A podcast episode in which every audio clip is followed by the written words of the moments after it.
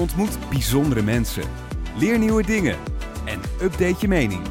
Dit is de podcast van New Life University. Update je mening met Anatol. Anatol is topcoach en spreker in het bedrijfsleven. Hij begeleidt leden van raden van bestuur, topdirecties en high potentials van grote Nederlandse organisaties. En traint bij New Life University mensen die willen groeien of op een kruispunt in hun leven staan. Stap in op zijn kennis en netwerk en laat je inspireren. Update je mening met Anatol. Ja, ik, ik, had, ik had hier heel veel zin in, eh, moet ik je zeggen. Uh, Wederzijds, ja. Want ik kende je nog niet. En, en ondanks het feit dat we al twee in professionele organisaties zitten. En ook zijn we elkaar nooit tegengekomen. Maar ik had er uh, en heb er ook heel veel zin in. Dus ik denk dat dit niet een interview wordt, maar een supercoole dialoog. Dat, laten we dat doen. doe jij eens voorstellen. Ik ben Danielle Brown. Ik ben corporate antropoloog. En dat vinden heel veel mensen een ingewikkelde, rare term. Uh, antropologen gaan van oudsher naar verre vreemde volken om daar te kijken hoe mensen samenleven, samenwerken, oorlog voeren, het weer goed maken, ziek worden en gezond worden, kinderen krijgen en ze opvoeden. En corporate antropologen doen hetzelfde, maar dan bij organisaties om de hoek. En wat ik eigenlijk doe, heel leuk werk voor mezelf gemaakt. Ik reis de wereld rond om uh, oude wijsheid van oude tribes, stammen, samenlevingen, volken uh, op te halen en eigenlijk weer in herinnering te brengen wat we daarvan kunnen leren in onze eigen uh, samenleving en workspaces, zo in organisaties. Omdat we het vaak vergeten zijn. Hele ja, simpele begrippen. Hoe je dingen doet, hoe je vergadert, hoe je besluiten neemt, hoe je omgaat met crisis. Zijn we vaak vergeten. En, en overal op de wereld hebben we goede voorbeelden, best practices, van hoe je dingen handig kunt doen. We hebben ook heel veel slechte voorbeelden, die doe ik niet. Ik doe alleen de goede, die skip ik. Leuk. Ja. Het was 2007, denk ik. En toen mocht ik uh, met ons team iets doen voor DSM. Ja. Er was een nette nieuwe CEO, Feike Siebesma. En toen hebben we voor hun een, een topmeeting mogen organiseren. En niet lang daarna werd er veel gesproken over tribes. Ja toen al uh, begonnen zij daar zich in te verdiepen. En hebben we ook met, dat was een heel inspirerende, en is een heel inspirerende man, Gerard de Reuver, een van de directeuren van de business unit. Ja. Hebben we daar een, een zwengel aan gegeven. En, en jaren later, dat is echt een paar jaar geleden, stond ik op een podium voor de ING, voor een spreekbeurt, met 1250 mensen in de zaal. En de volgende dag nog een keer, dus 2500 mensen, net de dag voordat ze omgingen naar tribes. Zo, Lang verhaal kort, het is iets wat heel natuurlijk is, al heel oud is, ja. maar dat relatief kort, nou ja, 2007, maar relatief kort is doorgedrongen in het bedrijfsleven. Ja. Hoe, hoe, hoe komt dat? Want in feite kennen wij de piramidestructuren. Ja. Nou ja, wat, wat interessant is, hè, en, en tribes ook zo bij de ING en in banken wordt soms ook wel heel erg toch ook weer volgens het Agile Lean Scrum model geïntroduceerd. Hè? Dus, dus mm -hmm. vraag is altijd, is het, zijn het traditionele tribes of ook wel weer nieuwe tribes? Zou je, zou je dat, zou je dat zo, zo, eenvoudig mogelijk eens willen, willen uitleggen? Nou, eigenlijk wat antropologen met tribes bedoelen is eigenlijk ouderwets stamverband van uh, waar we, waar we uh, ons, ons tribale brein voorkeur voor, voor uitgaat, is dat we eigenlijk liefst leven in stamverbanden van zo'n 150 mensen. Dus dat is wat de ING natuurlijk heeft geprobeerd te doen. Om dat hele grote, die hele moloch van de bankensector, om dat weer op te knippen, menselijk te maken, wendbaar te maken. Dus dat is wat ze doen. Maar er is meer aan uh, antropologie en aan tribaal gedachtegoed. Wat, wat ik veel doe, steeds meer doe, is uh, ook bioanthropology. Uh, dus eigenlijk oude antropologie, wat er heel erg over gaat, ligt heel dicht tegen archeologie aan en tegen biologie, evolutietheorie. Om toch terug te gaan van wie zijn wij nou in wezen als mens? En um, we hebben natuurlijk een paar eeuwen verlichting inmiddels, dus we vinden onszelf ontzettend verlicht, intelligent uh, enzovoort. Zei je bijna sarcastisch. Uh, ja, ja, er zit sarcasme in. Dus we, we, we denken uh, dat we alles kunnen beheersen met die prefrontale cortex van ons. En tot op zekere hoogte kan dat. We doen het, als je kijkt naar geweld en naar de medische uitvindingen die we hebben gedaan, doen we het echt beter dan, dan een paar eeuwen geleden. Dat, dat, er zijn, gaan echt minder mensen dood aan oorlogen en aan ziektes. Dus we zijn echt wel vooruit gegaan. Toch zie je ook direct, zoals nu in de coronacrisis, dat als het erop aankomt, dat gewoon hamsteren. Hè? Dus, dus we zijn ook nog heel erg tribale wezens. Om eventjes eh, de datumstempel erop te zetten. We, zien elkaar nu.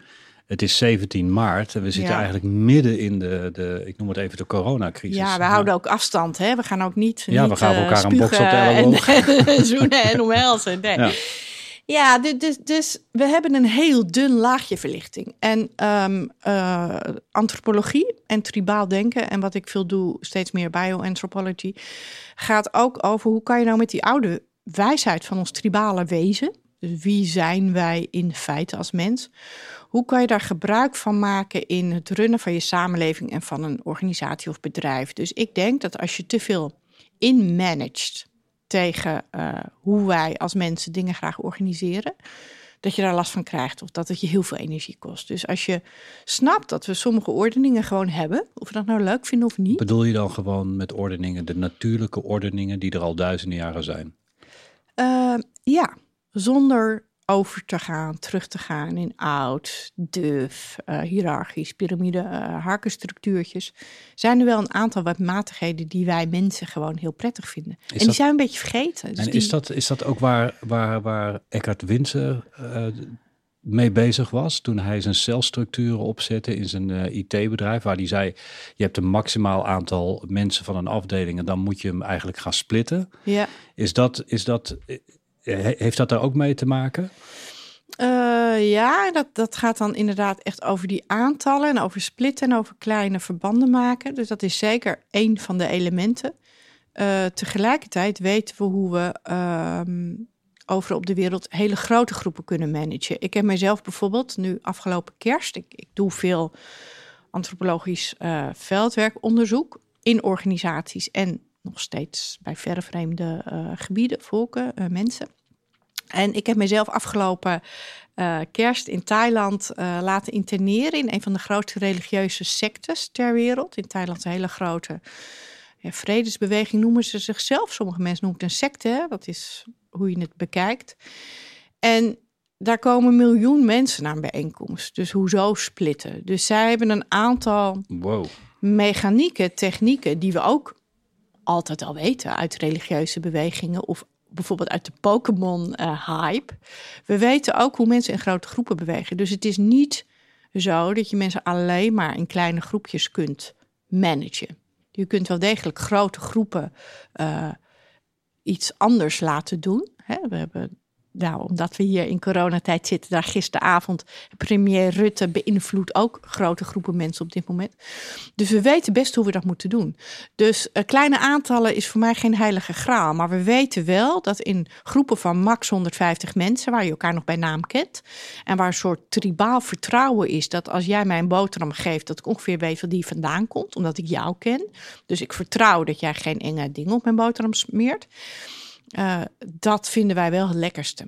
En alles waar we groter in organiseren, moeten we dus, uh, worden we afhankelijk van systemen en afspraken om eigenlijk dat vertrouwen en extra, uh, ja, extra te ondersteunen. En dat maakt ons vertrouwen kwetsbaar.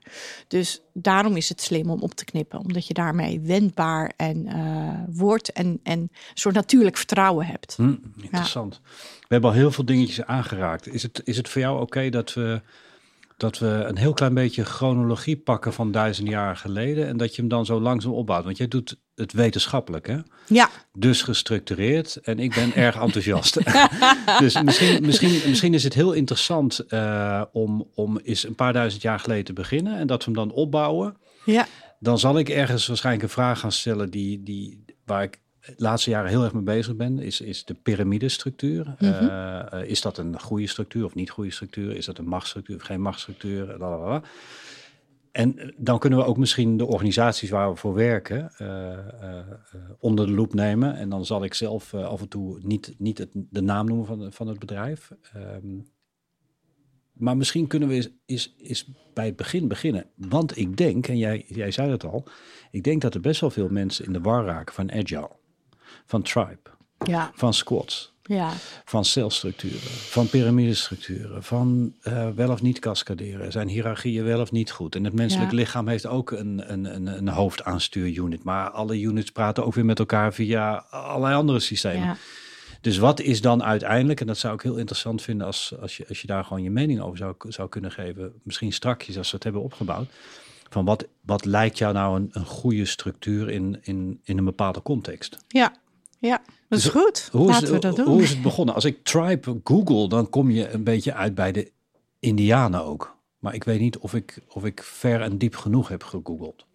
Ja, antropologen noemen eigenlijk alles wat in kleine groepjes leeft een tribe. Dus een tribe is meer een, een naam voor een eh, gezinsverband. En dan, als je echt nerdy antropologie doet, dan is er weer een verschil tussen een tribe en een clan en een lineage. Dus dat zijn eigenlijk, je zou kunnen zeggen, de managementlagen in een organisatie, de organisatielagen. Dus we gaan van, van familie naar groepjes, families, naar eh, een dorp met een leiderschapsstructuur. En dat noem je dan een tribe.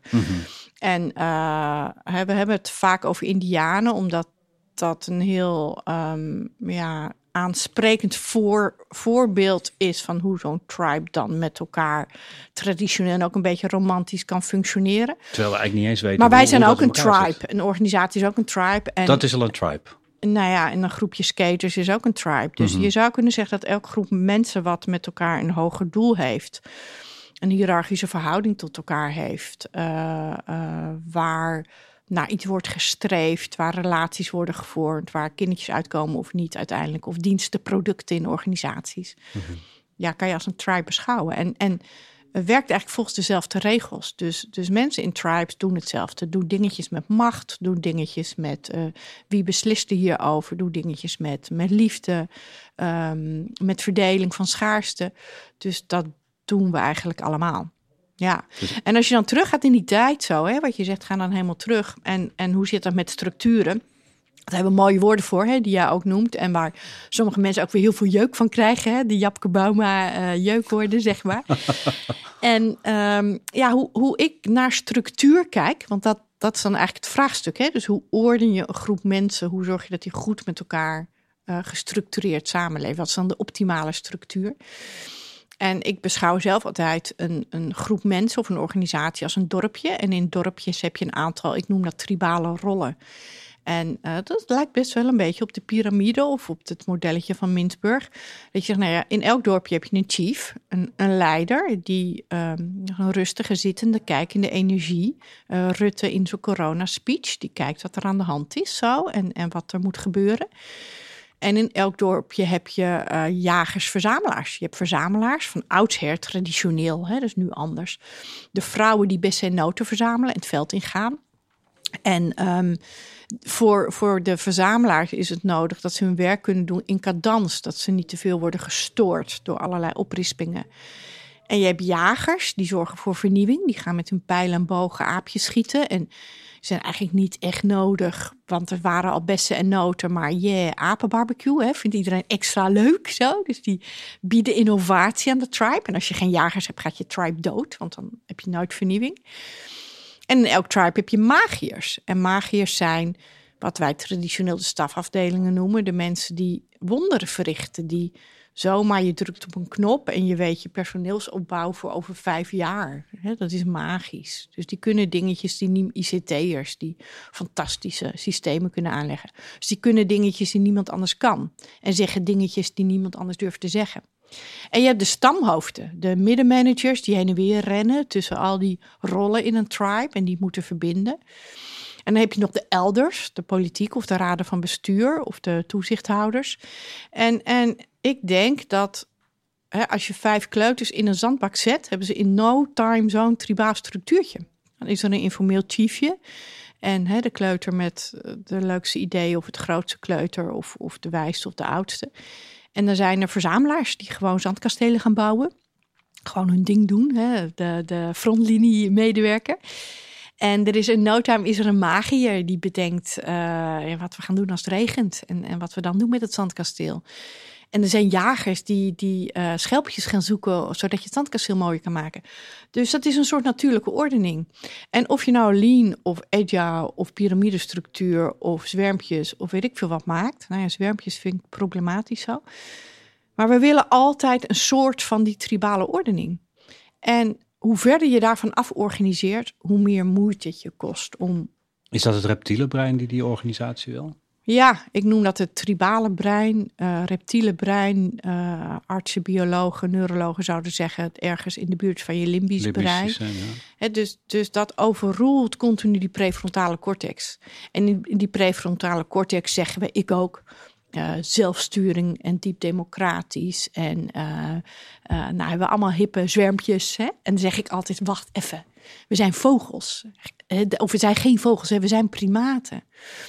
Dus we kunnen helemaal niet in zwermpjes bewegen. En zelfs bij zwermpjes komen we er steeds meer achter dat er toch echt één vogeltje steeds voorop vliegt. Dat het weliswaar wisselend leiderschap is, maar wel ook heel hiërarchisch leiderschap. Dus ik denk dat we een soort natuurlijke ordening altijd nodig zullen hebben. En um, als je daar heel geforceerd van afwijkt, dan kost dat heel veel uh, energie. Die je beter dan andere dingetjes kan besteden. En dat wil niet zeggen dat je 50 tinten grijs, uh, ouderwets, hiërarchisch, dictatoriaal, uh, gewelddadig leiderschap hoeft te hebben. Zoals het vroeger ook was. Ja. Niet alleen, maar ook. Ja, en soms wel, hè. Dus nu in tijden van crisis kijkt iedereen toch naar boven. En naar de deskundigen, de magiërs in dit geval. Hè, de RIVM-deskundigen en de virologen. Uh, en naar de chief, hè, je, je minister-president, uh, de koning, waar is hij zo? Ik laat hij alsjeblieft terugkomen in Indonesië. Kijken we toch naar boven, omdat we eigenlijk toch wel die tribale rust willen hebben. En, um... Maar kijken we naar boven omdat we in structuren zoals de maatschappij terecht zijn gekomen, waar we eigenlijk wel naar boven moeten kijken? Of is dat onze diepste wens dat we naar boven kijken omdat we leiding willen? Ik denk dat het niet eens ons wens is, maar dat het ons diepste wezen is. We wow. kunnen niet anders. Mm -hmm. En tegelijkertijd, als die rust er dan is, dus op een moment dat er een soort holding space is vanuit de top en vanuit in dit geval magiërs die iets kunnen proberen uit te leggen over hoe zo'n eng virus dan werkt. Mm -hmm. Als dat, als die rust er is, dan zie je dat er plek komt voor allerlei mooie, lieve initiatieven. Dat mensen burenhulp gaan regelen en dat er opeens... Eten naar de voedselbank brengen. Eten naar de voedselbank brengen, stickertjes op de grond komen... zodat je twee meter afstand bij de kassa houdt, uh, oudere shopuurtjes. Dus er komen allemaal hele mooie dingen op gang. Als we het gevoel hebben dat we leiding, sturing en begrenzing krijgen... en als we dat niet hebben, ja, dan gaan we dus gewoon als een gek hamsteren. Mag ik een paar dingen, daar gaan we zo even op terugkomen. Ja. Mag ik een paar dingen samenvatten um, om het zelf goed te begrijpen. Dus waar we het over hebben is, we hebben het over eigenlijk duizend jaar oude kennis. Ja. Um, een, een, een groep met mensen mag je al een tribe noemen. Um, bijvoorbeeld de familie is al een tribe. Dus een, een organisatie, uh, de afdelingen kunnen tribe zijn of een organisatie zelf is of ja. kan een tribe zijn. En je zegt, er is wel een kritisch getalletje, dat is 150. Ja. Dat is, wat, dat is wat, wat waarschijnlijk ook wel een issue is bij social media. Omdat je soms gewoon duizenden... Nou ja, ik heb bij LinkedIn uh, bijna 4000 of zo contacten. Dat kan niet. Daar kun je, daar kun je gewoon helemaal niet, niet bij. Ja. Dus er zit een soort maximum op, op zo'n tribe. De, de mensen in een tribe die hebben natuurlijk verschillende rollen. Ja. Waarbij je wel een aantal domeinen hebt. Je hebt de magier en je hebt de, de jager. Maar eigenlijk willen mensen ook diep van binnen, en je gaat zelfs zover te zeggen dat is het zijn van mensen, uh, willen een tribe-structuur en tribe-rollen hebben om zich goed te voelen. Ja. Als ik het zo in lekentaal samenvat. Ja. Ja, ik denk dat je het heel goed samenvat. En dus het is iets natuurlijks. Dat is eigenlijk... Het is natuurlijk. En mij wordt wel eens conservatisme verweten. En, en, en, ja, dat was uh, mijn volgende vraag. Ja, ja. ja. leuk, doe hem eens. Hè? Zeg maar, is dat dan niet heel conservatief denken en zo? En... Ja, nou, ik denk dat, dat ik het dat... antwoord weet voor mijn gevoel. Dat is natuurlijk nee. Ik geloof in natuurwetten. Nou ja, ja dat, dat is wel het goede antwoord. Dus ik noem het zelf liever realisme. Het kan natuurlijk ook mee te maken hebben dat ik ouder word, dat ik meer uh, een soort acceptatie krijg van dat sommige dingen zijn zoals ze zijn. Ik, ik, um, ik ben erg voor. Um, ik ben zelf een reiziger. Ik ben erg voor open grenzen. Ik ben erg voor diversiteit. Ik vind divers samengestelde organisaties en teams leuker, interessanter, beter enzovoort. En de realiteit en het realisme is ook dat het moeilijk is. En dat er ook een soort uh, natuurlijke ordening is van, van wat je nu ziet, ook weer in crisis. is, is dat een soort van allemaal weer teruggaan op eigen bodem. En, en allemaal weer een soort van herordenen, wat ik niet per se gezellig vind, maar is wel wat gebeurt. Dus of dat goed of slecht is, heb ik eigenlijk steeds minder oordeel over. Ik zie alleen dat dat is wat we, als het taf wordt, doen. En um, nou ja, dan is de vraag wat je daar volgens met management mee doet. Dan kan je dus zeggen, dan kan je, hè, dan kan je van twee stromingen zijn. Dan kan je zeggen van, nou ja, oké, dit is ons brein. Inmiddels kunnen we dat beter doen. We hoeven elkaar niet meer in elkaar te slaan. En we doen ook niet meer middeleeuwse bloedbaren. Dus we can do better. Dus we moeten, juist omdat dit onze natuurlijke neiging is, moeten we heel veel moeite doen om dat te overstijgen. Dus betekent dat we met diversiteitsquota moeten werken en dat we uh, toch aan die zwermsturing en zelfsturing moeten doen. Dat is één oplossing die je kan treffen als je zegt, ja, we zijn nou eenmaal een beetje apen. De andere is dat je kan zeggen, nou laten we zoveel mogelijk uh, accepteren, respecteren wie we zijn. En met dat weten, zoveel mogelijk goede dingen doen. Waarbij we wel zorgen dat we wat leuker worden dan we misschien 200 jaar geleden waren. Uh, maar wel uh, incalculeren dat we soms echt wel even gewoon tribale wezens zijn. En daar ben ik wel steeds meer van geworden. Maar dat gaat er ook denk ik uh, niet uit na een paar honderdduizend jaar. Nee. Dat, dat, ik weet niet hoe lang de in, er al bedrijven bestaan, maar laat het 100 of 200 jaar zijn. Het, het idee met een logootje, inschrijving, Kamer van Koophandel, B2-nummertje en je bent een bedrijf. Maar ik denk dat het, dat het al tienduizenden jaren ja. in, in ons zit. Dus ik, ik noem het zelf dan, als je mij die vraag zou stellen, totaal niet conservatief, maar natuurwetten. Ja. Waarbij ik wel heel erg denk van, de context is ook uh, uh, belangrijk. Uh, en wat je ziet is dat er verschillen zijn. Maar nu zeker met de, de, de coronacrisis, je merkt dat Duitsland heel anders reageert. Merkel heel anders reageert dan Rutte Nederland. Ja. Reageert weer heel anders dan een complete lockdown de afgelopen 24 uur van Frankrijk. Ja. En, en Spanje volgens mij ook al. Uh, kun je dan zeggen dat er wel één manier is die de beste is? Of zeg je nee, het is ook heel erg contextafhankelijk of leiderafhankelijk? Of kun je nu al zeggen, nou, dat land pakt het niet handig aan? Ja. Omdat er natuurwetten zijn die worden overtreden. Nou, dat, dat, is een prachtige vraag. En ik denk dat ook een natuurwet is dat je context sensitief moet zijn. He, dat is natuurlijk een, een, prachtig woord. Jij werkt veel met internationals, dus jij zult je daar ook heel van bewust zijn. Dat dingen in het ene land qua leiderschap, Zeker. aansturing wel werken ja. of niet werken.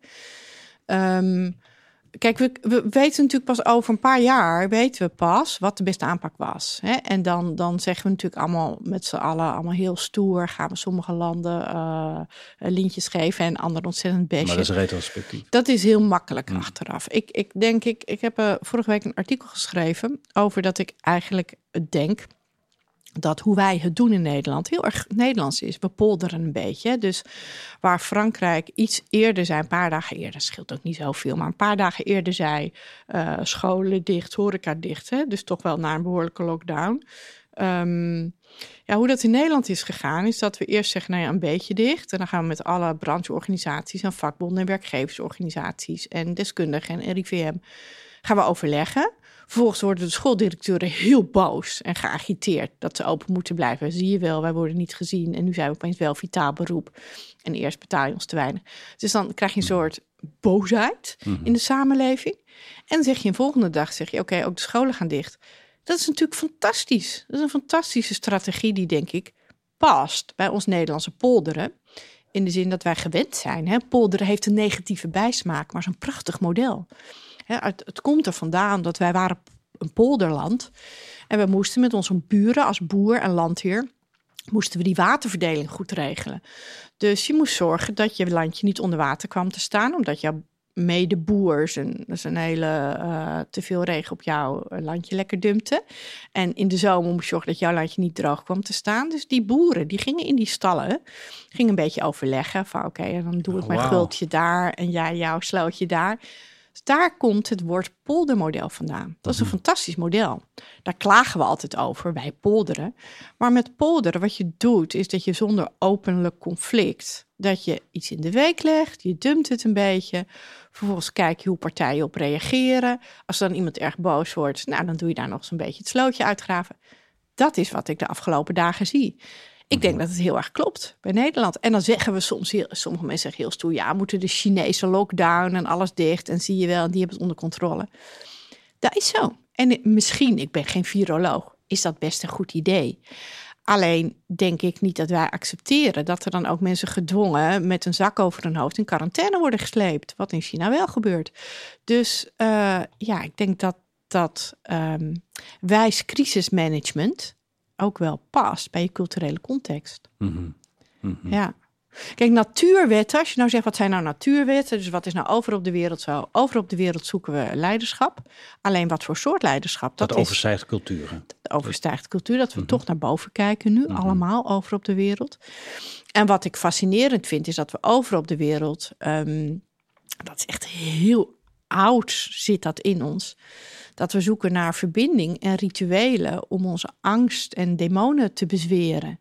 dus je ziet in Italië gaan fantastische balkonscènes met DJ-sessies op een balkon. Geweldige DJ-sessies, avondgezang. En ja. dat vinden we heel ontroerend. En mhm. in China uh, ze roepen ze elkaar toe vanuit de flatgebouwen. In Nederland ontstaan ook al allerlei dat soort initiatieven. Is dit niet, uh, en dat bedoel ik alleen maar positief, met ja. respect voor iedereen die de ellende ervaart, uh, iedereen.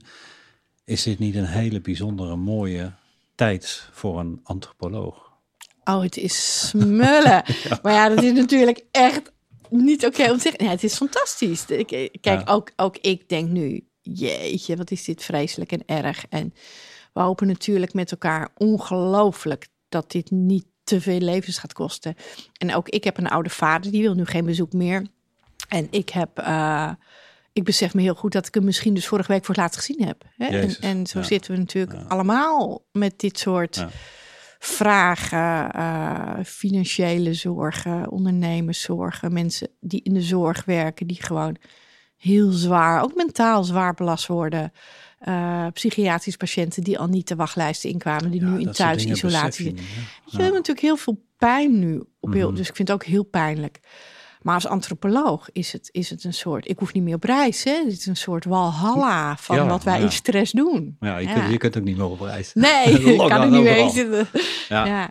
Maar het is heel interessant, omdat opeens, het is alsof je in een soort pressure cooker zit. Dus bewegingen in de samenleving die ik altijd al leuk vond om te duiden, die gaan opeens sneller. Dus we zitten in een soort deeltjesversneller, cultureel gezien. Ja, betekent dat ook dat, je... Dat is heel je, interessant. Ja, dat kan ik me voorstellen, want je, je ziet dus heel veel verschillende dingen die je al kent, die zie je heel snel voorbij trekken. Dus, ja. dus de meeste dingen heb je op andere plekken gezien, maar ik kan me ook voorstellen dat een aantal dingen in, die in theorie staan beschreven nu in de praktijk zichtbaar zijn. Ja. Um, betekent dat ook dat je kunt voorspellen? Soms wel. Soms denk ik dat ik um, ik, wij, antropologen, en het geldt ook voor psychologen en voor biologen, dus ieder op zijn eigen vakgebied. Hè? De, dus ik wilde mezelf daar niet, niet, zeker niet boven andere wetenschappen stellen.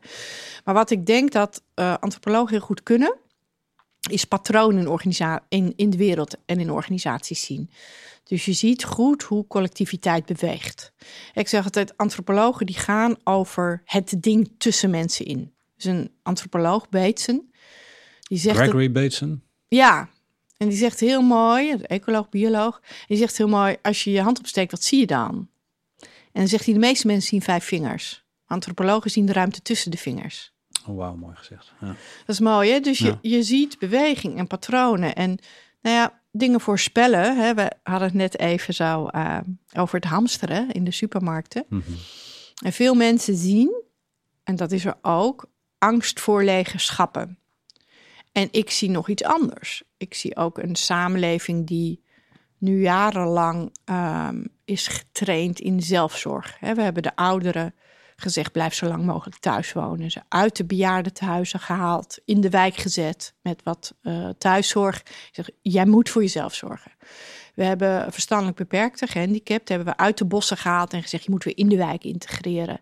We hebben kinderen van speciaal onderwijs gehaald en gezegd, je moet weer op een gewone school. Dus we hebben eigenlijk bij iedereen gezegd, uh, integreer, doe het zelf. Uh, en toch een aantal zorgende systemen um, afgeschaft. Nu geef je eigenlijk de samenleving een boodschap. Dan zeg je, je moet goed voor jezelf zorgen. Een paar jaar geleden zeiden we nog, iedereen zou eigenlijk uh, voor allerlei calamiteiten zou voor twee, drie weken eten in huis moeten hebben en een noodpakketje en kaarsen. Dat hebben we heel lang gezegd. nu is er een grote crisis. We zeggen tegelijkertijd tegen mensen: je mag niet direct de huisarts bellen. Je moet eerst een tijdje voor jezelf zorgen als je snottert. Pas als het heel erg is, mag je de huisarts bellen en komen we langs. Je mag niet naar die huisartsenpraktijk toe. We weten niet of er wel genoeg plek is op de intensive care. Dat is de boodschap. En dan zeggen we tegelijkertijd, maar je mag niet voldoende voedsel in huis halen, je mag niet hamsteren. Dat is een dubbel message. Dat, dat pakken mensen niet. Dus ik, ik, ik, we doen nu heel erg, mensen zijn dom, want ze denken dat de schappen leeg gaan. Ik denk dat mensen helemaal niet bezig zijn met lege schappen. Maar dat mensen bezig zijn met, ik moet voor drie weken voor mezelf kunnen zorgen. En, en niet meer zo uh, leunen, niet meer zo vertrouwen, als je het hebt over tribaal vertrouwen, niet meer vertrouwen dat er straks een organisatie, zelfzorg, uh, een, een thuiszorgorganisatie of de politie voor jouw deur staat met een doos vol eten. En het contact met buren is ook niet overal even hecht. Dus mensen zijn gewoon bang dat ze straks zonder eten alleen komen te zitten, ziek en al. Dus dus wat ik nog mis, en jij bent zo fantastisch uh, ook daarmee bezig, wat ik nog mis, is heel simpel. En ik word soms uitgelachen als ik dat zeg. Hang nou in die apotheek of Albert Heijn of Jumbo of de drogist. Zeg nou niet maximaal twee pakjes paracetamol per dag per klant, maar hang nou eens een briefje op. Je zegt, oké, als je drie weken corona hebt in lichte vorm en je hoeft niet naar het ziekenhuis en je moet voor jezelf zorgen, Hoeveel paracetamol heb je dan per persoon per dag nodig? Dat heb ik nog nergens nou, gezien. De breakdown eigenlijk, eh, om het praktisch te maken. Ja. ja. Ja. dat is interessant, heb ik nog niet gehoord. Nee, nee hè? en dat, dat verbaast me dan. Dus als je het zegt over kunnen antropologen voorspellen, dan wat, wat ik denk dat antropologen vaak doen, ook in bedrijven, is zoeken naar het echte verhaal. Dus wat ik dan doe, is aan een paar mensen gaan vragen, niet god, wat stond dat je hamstert, maar waarom heb je zo voor je karretje zitten? Dan zeggen ze, nou, ik ben bang dat ik ziek word. En dat vergeten we soms om die echte verhalen op te halen. Hebben we daar tijd voor?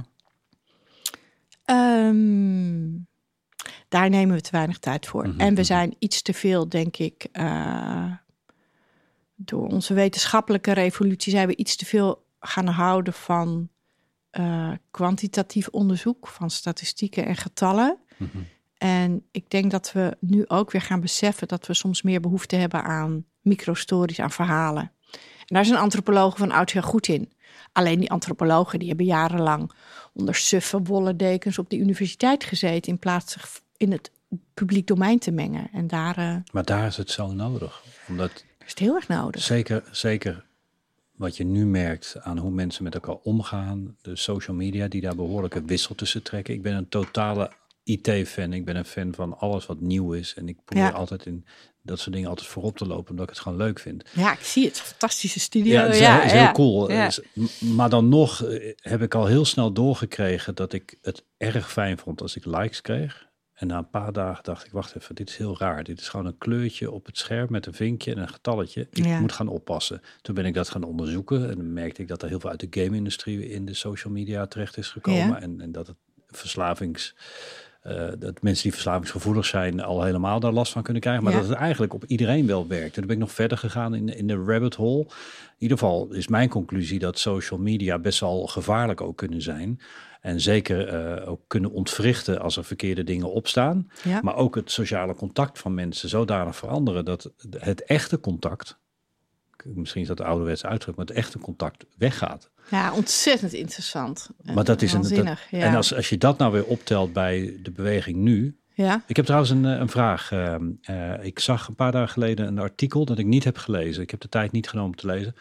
Dat, dat er ook een hele psychologie achter de toiletrollen zit. Ja. Um, kun je vanuit de antropologie daar een verklaring voor geven? Waarom juist toiletrol? Want dat is wel het laatste waar ik aan zou denken als ik zou hamsteren. Ja. Ja.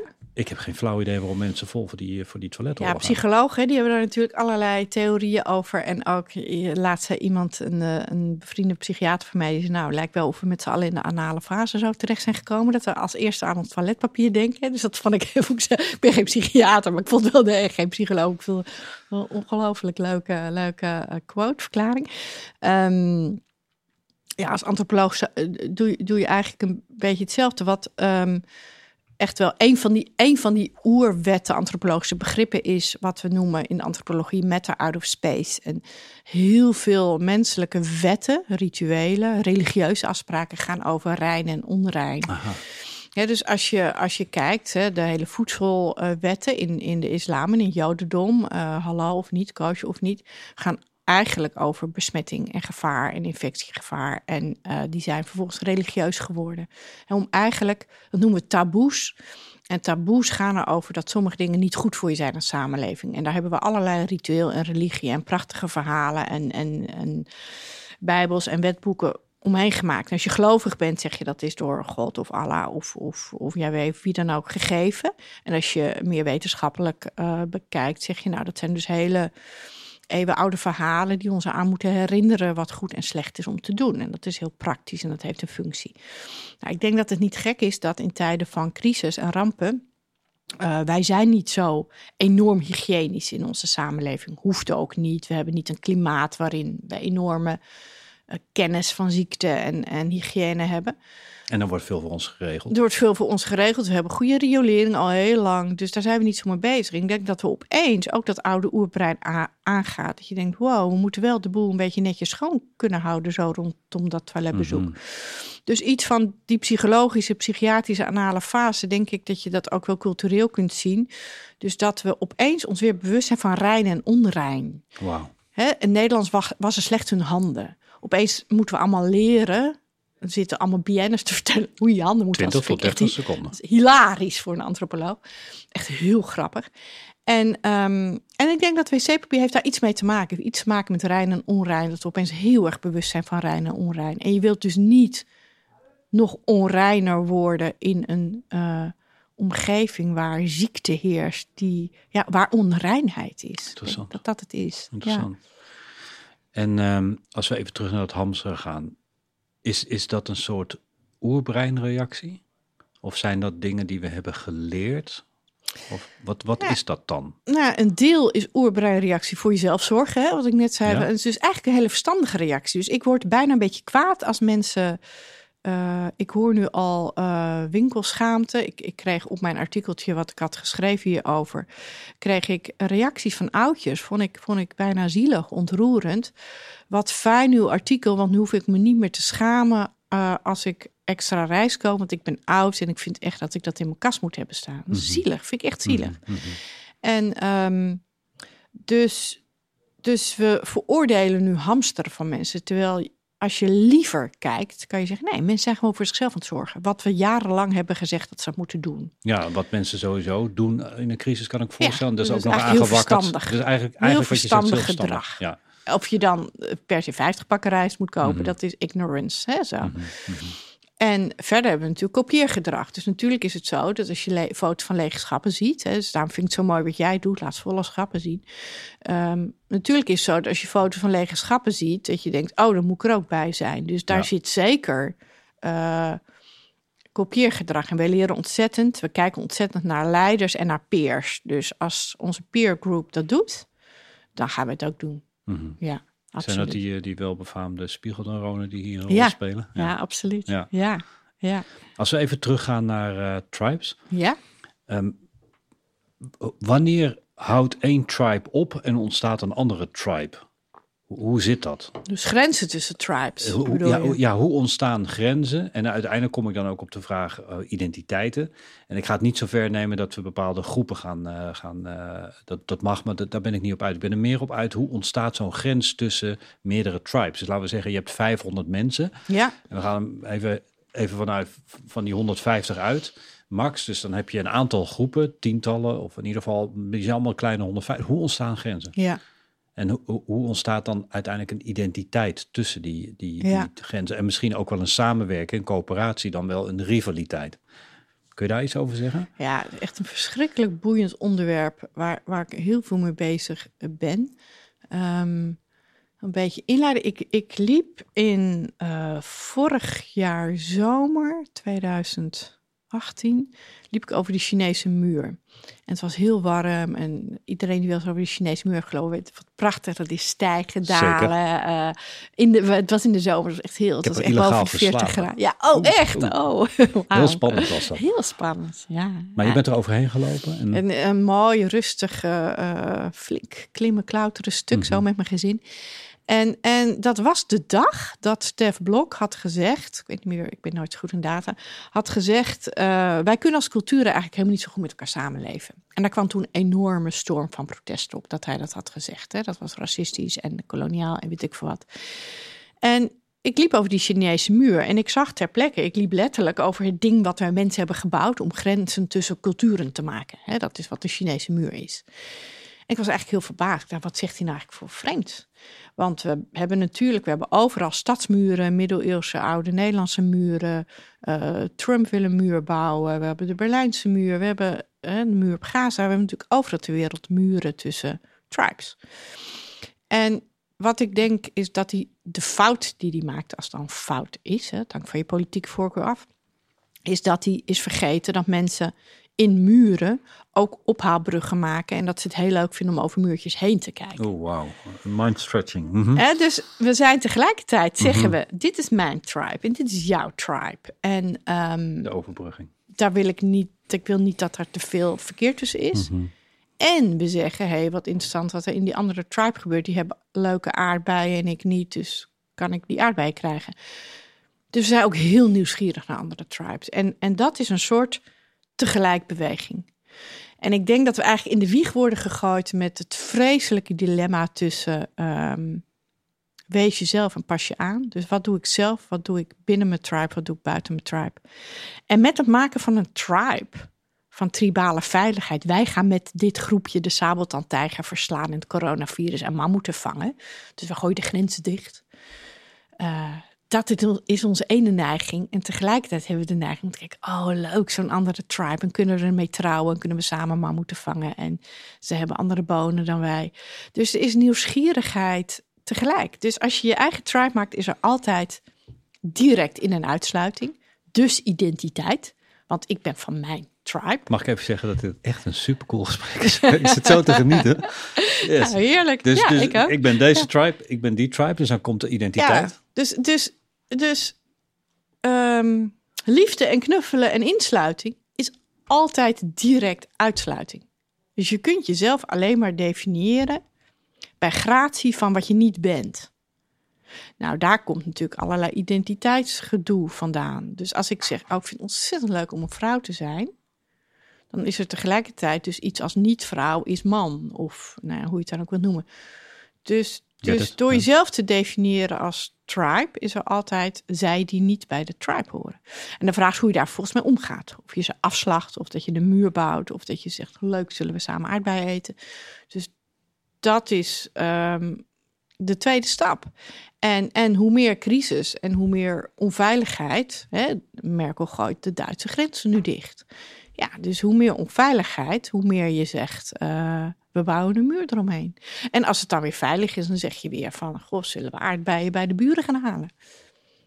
Wauw. Zoiets. Wat denk gaaf. denk, Wat denk jij jij daar ook vak. of niet? Of- Ja, nee, het, ik hang aan je lippen. Dit is, alleen wat, het, wat zo bijzonder is, ehm, is ehm, je, je, je, je, het is alsof je op, jij op de maan zit en naar beneden kijkt. En af en toe ook beneden bent. Dus het- dat uitzoomen wat jij doet, daardoor de verbanden aangeven, dat vind ik heel interessant. Ja, En daardoor krijg je eigenlijk nog veel meer rust. Want, althans, als ik voor mezelf spreek, het, het wordt begrijpelijk. Ik heb dat af en toe nodig dat ik het een beetje begrijp. ja. Ehm, want ik denk niet dat mensen zomaar dingen at random doen. Ik denk Nee. wel dat daar, eh, ja, wat ik al heel vaak heb gezegd, duizenden jaren herhaling en, en, en, en, en onthouden en ook overlevering in zitten. En, en, en verhalen, stories die je meeneemt, die al in je zitten. En opvoeding en, en godsdiensten. Ja, daar, ik zit te genieten.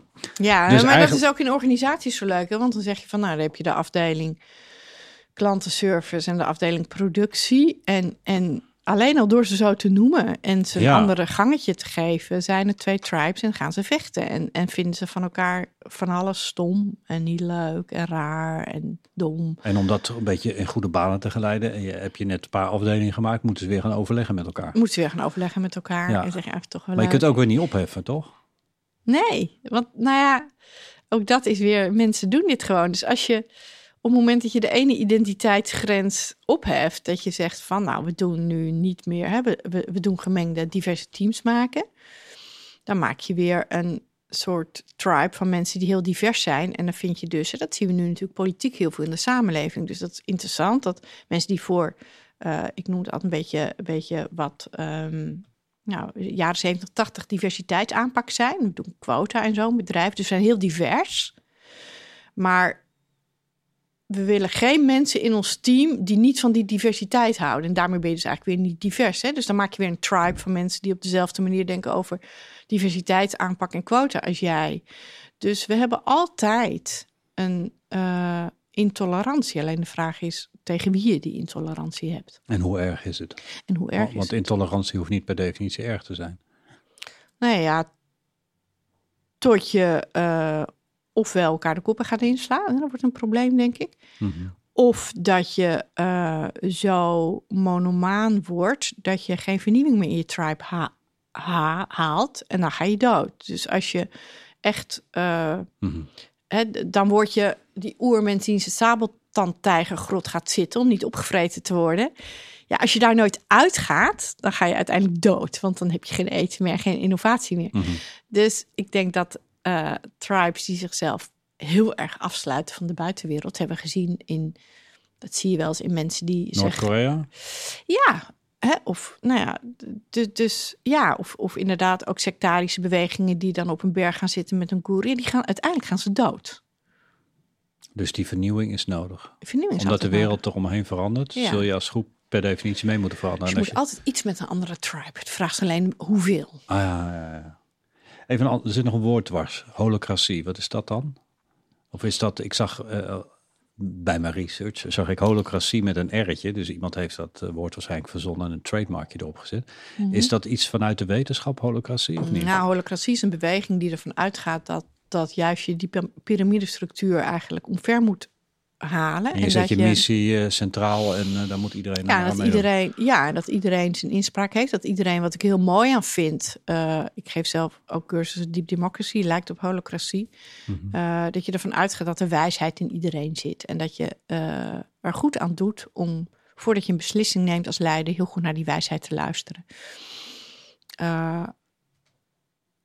Wat we wel zien is dat als je het vervolgens niet goed structureert, dat het ook wel vaak tot chaos leidt. Dus dat het heel veel energie kost om ehm, mensen holocratisch te laten besluiten. Dus je krijgt toch vaak weer ook ik, zelf, nou, heel veel zelfsturingsinitiatieven gezien, begeleid, ook in de zorg. Lijkt een beetje op holocratie, net weer even anders. Ja, op een gegeven moment dan, dan zie je dan toch dat in zo'n zelfsturend team mensen helemaal ziek van worden dat iedereen zich met de planning bemoeit. Dus na drie weken stellen ze toch weer een planner aan. Dus ik, Mhm, je ziet altijd eigenlijk weer dat tribale apenrotsje structuurtje met een chief en magiërs. Toch weer wel. Het ontstaat en als je het niet formeel regelt, regelt het zich informeel. Ja. Kunnen we het op een of andere manier ook relateren aan die beweging eh, die je hebt gehad dat je open werkplekken eh, kreeg en dergelijke? Ik krijg heel sterk het vermoeden. Ik probeer niet van de hak op de tak te springen, maar als het wel zo is, het aan elkaar lijmen. Ehm, ik zie veel beweging omdat ik dikke 15 jaar in het bedrijfsleven rondloop. Ja. In, in klein midden en de laatste 10 jaar plus vooral in groot. Dat je van die grote oppervlakte krijgt waar heel veel stoelen staan. En, en dan af en toe, om de situatie iets te verbeteren, komen er wat planten. ja, En de echt vooruitstrevende bedrijven die geven... zo'n rekje met planten. Een rekje met planten, verrijdbaar. En eh, de echt vooruitstrevende bedrijven die geven boze headsets met, eh, met eh, noise cancellation, zodat je toch weer een beetje je eigen plek kan krijgen. Maar vroeger had je toch ook redelijk veel open plekken. Je had een kampvuur, maar aan de andere kant had je ook hokjes, misschien waar je in kon terugtrekken. Ja. Dus het lijkt mij zelf niet de meest handige beweging om alle muren weg te breken en al mensen bij elkaar te zetten. Want dat wordt gewoon nou, de efficiëntie is ongeveer weg. Kun je, kun je dat relateren aan, uh, aan, aan, uh, aan tribes en aan, aan, aan, aan honderden, duizenden jaren? Klopt die beweging? Ja, ik, ik, ik ben echt wel kritisch op kantoortuinen. Om ja, een paar dat, redenen. daar kwam ik even niet op. Ja, ja, nou, om een paar redenen. We, we weten dat het gewoon biologisch voor je brein, dat al dat geluid en al die prikkels, dat heel veel mensen daar gewoon niet zo goed tegen kunnen. Dus dat, dat is een soort medisch dingetje dat we zeggen, ja, het is eigenlijk een heel slecht idee. Um, wat ik ook denk, is dat wat je ziet, mensen hebben, hè, dat is ook zo'n ja, zo'n antropologische bioanthropologie, natuurwet, hoe je het wilt noemen. Mensen hebben behoefte aan een eigen domeintje. En wat je, wat je vroeger, zo ooit, klinkt heel erg uit de oude doos. We zijn 20 plus, toch? Ja, we zijn, we zijn nu zo jong. Had je eigen kamer en daar Ja. had je je plant en de foto van je kinderen en, en de beker van de prijsvraag die je ooit had gewonnen. Die stond daar. Dus had je ook een soort identiteitsdingetje, domeintje in je eigen kamer. En als je belangrijk was, had je een mooiere kamer en een kleedje en nog een plant. En als je minder belangrijk was, moest je kamer delen. Hè? Dat, dus daarmee was hiërarchie ehm, heel zichtbaar. ehm, en, en kon je eigenlijk vechten om dat kamertje, dat je een mooie kamertje kreeg. Nou, nu hebben we allemaal dezelfde kamers, hebben we allemaal gelijk. Dus het gaat eigenlijk volgens mij ehm, antropologisch gezien over een nivellering van macht. We willen niet meer die machtsverschil.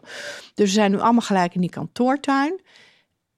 En, maar we willen nog steeds vechten om ons eigen domeintje. Dus wat je ziet, wat ik zie, is een enorme toename van vechtgedrag in projecten.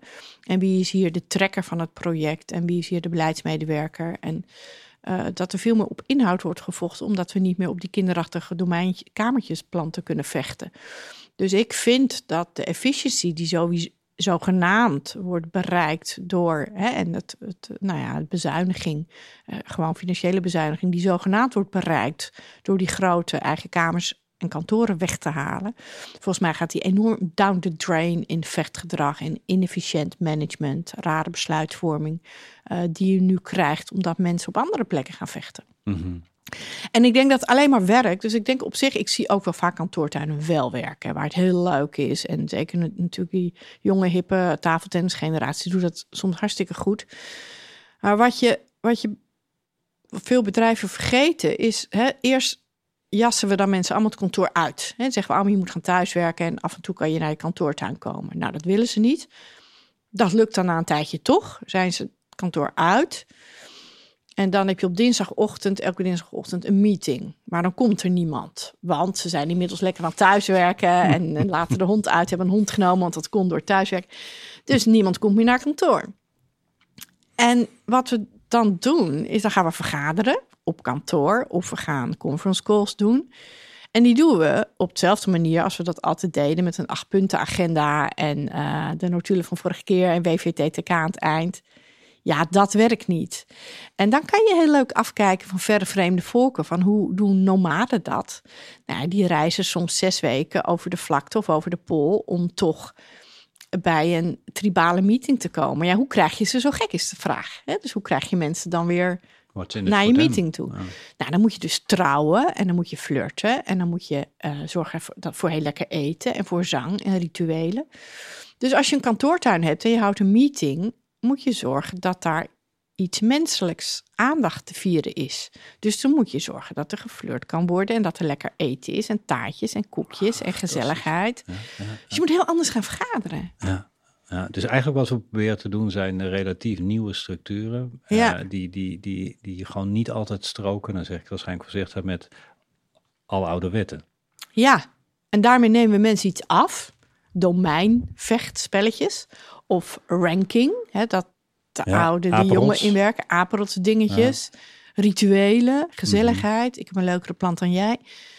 En als daar niks voor in de plaats komt, dan krijgen we dus hele koude, lege bedrijven. En worden heel veel mensen burn-out en eenzaam en verdwijnen in de GGZ en Goh, klinkt bekend. uitgeblust en, Ja. enzovoort. Mhm. Hè, terwijl dat komt denk ik ook omdat we op onze werk en op onze scholen en in onze buurten niet meer die, ja, die leuke buurttribejes maken. Je hebt bij Ernst Jong gewerkt. Ja, Ik weet niet precies in welke tijd het was, maar ik, eh, ik heb ehm, ook voor, voor hun gewerkt. Ja. En ik ben bevriend geraakt met eh, een van de mensen uit de raad van bestuur, ja, Gijs de Vries. ja. Ken je Gijs? Ja, heel goed. Oh, ah, hartstikke leuk. Gijs Mijn partner is, uh, heeft heel veel met Gijs gewerkt. Oh, wat leuk. Ja, ken ik, ja. Oh, it's a very small world. Gijs uh, zat in uh, een van de eerste podcasts. Oh, wat leuk. Gijs, als je kijkt, de hartelijke groeten. Ja, ja ik ben fan van Gijs. Ja, Echt, zeker. fijn ja. mens. Um, ik heb ik heb hem uh, ontmoet. En, um, en, Heel mooi werk ook bij het Rode Kruis gedaan. Hè? Ja, hij is, uh, ja. hij is directeur van het Rode Kruis geweest. Ja. Ja. En uh, nu doet hij ook fantastisch werk. Het is nu zeg maar aanvoerder TNO. Ja. Dat is bijzonder. Oh, leuk. Maar ja, je, je was toen zeg maar de diehard senior consultant. Ja. Um, stel voor dat je dat nu weer bent en je komt een organisatie binnen. Um, een commerciële organisatie, man of 20.000 in, in Nederland, fictief, ik relateer niet aan een bedrijf. En dat bedrijf gaat zichzelf totaal anders organiseren. Ja. En die zegt tegen jou als, uh, als, als consultant van Ernst Young, wat zou jij nou doen? En jij mag het gebouw inrichten. Mm -hmm. uh, je mag de functies uitschrijven, de hoeveelheden mensen, de, de digitale tools. Wat zou nou het, de, de, de ultieme inrichting zijn van een bedrijf dat nieuw te starten is, of in ieder geval nieuw te organiseren is. Eigenlijk een beetje terug naar het begin van het gesprek, waar, waar ik het had over ING, die 2.500 mensen van de een op de andere dag in een andere structuur uh, zetten, van tribes, squads. Uh, ja. Hoe ziet zo'n bedrijf eruit? Een 2020 bedrijf ja. met een paar digitale tools erbij. Ja. Ja, dat is een ontzettend leuke vraag. En het hangt natuurlijk een beetje flauw af hè, wat en ze doen precies wat bedrijf je zegt. moet doen. Ja, snap ik. Dus je kunt Hè, nog een dus, paar dus vragen afhankelijk van je, van je doelstelling. Consumentengoederen. Consumentengoed. Oké. Dus een snel, snel, snel, snel, snelle business. Snelle We business. moeten veel aanpassen. veel aanpassen. Ja. En de landsgrenzen vallen weg. eh, Veel online, digitaal. Ja. Ik weet dat ik te weinig parameters vastzet eh, om een Mhm. goed wetenschappelijk antwoord van je te krijgen. maar je hebt heel veel gezien en je ziet veel wat werkt en niet werkt. En je hebt Ja. eh, wat van, van, die, van die wetten. Wat voor structuur zou zo'n bedrijf ongeveer hebben? Wat voor organisatie? Nou, wat ik soort algemene wet die ik heel mooi vind werken. Dan, dan ga ik toch even terug zo naar mijn, mijn avontuur in Thailand, dat interneren in die Thaise secte. Ik, vond dat heel fascinerend, uh, terwijl ik echt niet promoot dat ik Thais, die Thaise secte of welke secte dan ook leuk vind. Ik ben altijd heel dubbel naar religieuze bewegingen. Oeh, het is ook, ook soms heel scary en machtsmisbruik, weet ik voor wat. Mm -hmm. Maar ze hebben een aantal wetmatigheden die ik heel interessant vind in antwoord op jouw vraag. Dus wat ik daar heb gezien, het, het was een waanzinnig. Je denkt Thailand, misschien oude wet, Azië. Het was of ik op een soort Star Trek base belandde. Het was totaal met, met waanzinnige architectuur. Het hoofdkantoor in een soort bol, flat-achtig gevormd. Ze hebben echt duizenden, uh, nou ja, een paar miljoen volgers nu in Thailand. Echt heel snel groeiend ik kwam daar binnen. Dus ik heb een aantal. Ik, ik zal eerst zo mijn, mijn, mijn dag of hoe ik daar binnenkwam beschrijven. En dan van wat kan je daar nou van leren in antwoord op je vraag? Ik kwam er binnen. Ik was binnen 10 minuten. Was ik uh, volledig gescand, gedigitaliseerd. Um, waren al mijn big data opgeslagen. Had ik een uh, persoonlijk profiel. Had ik, was ik uitgekleed, letterlijk. Had ik een wit pakje aangekregen.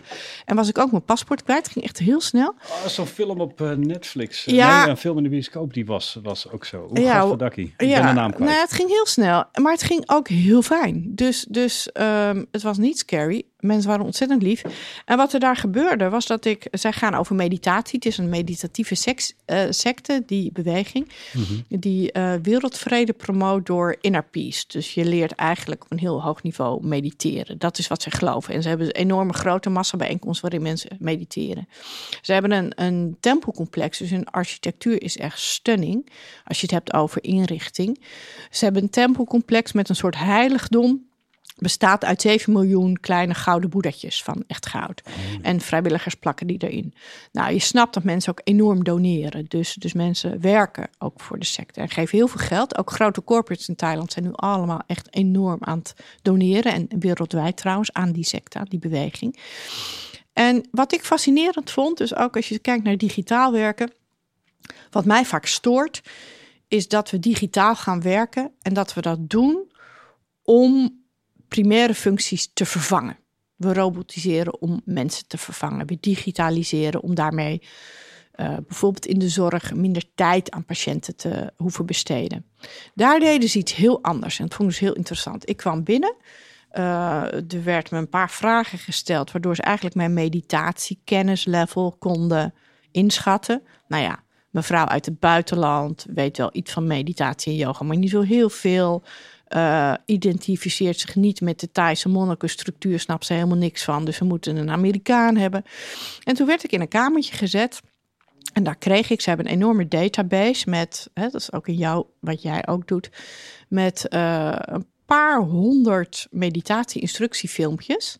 En aan de hand van mijn big data kreeg ik precies mijn juiste gepersonaliseerde instructiefilmpje. Dus ik kreeg een meditatieles van 10 minuten van een Amerikaanse monnik. Een heel toegankelijk iemand voor mij.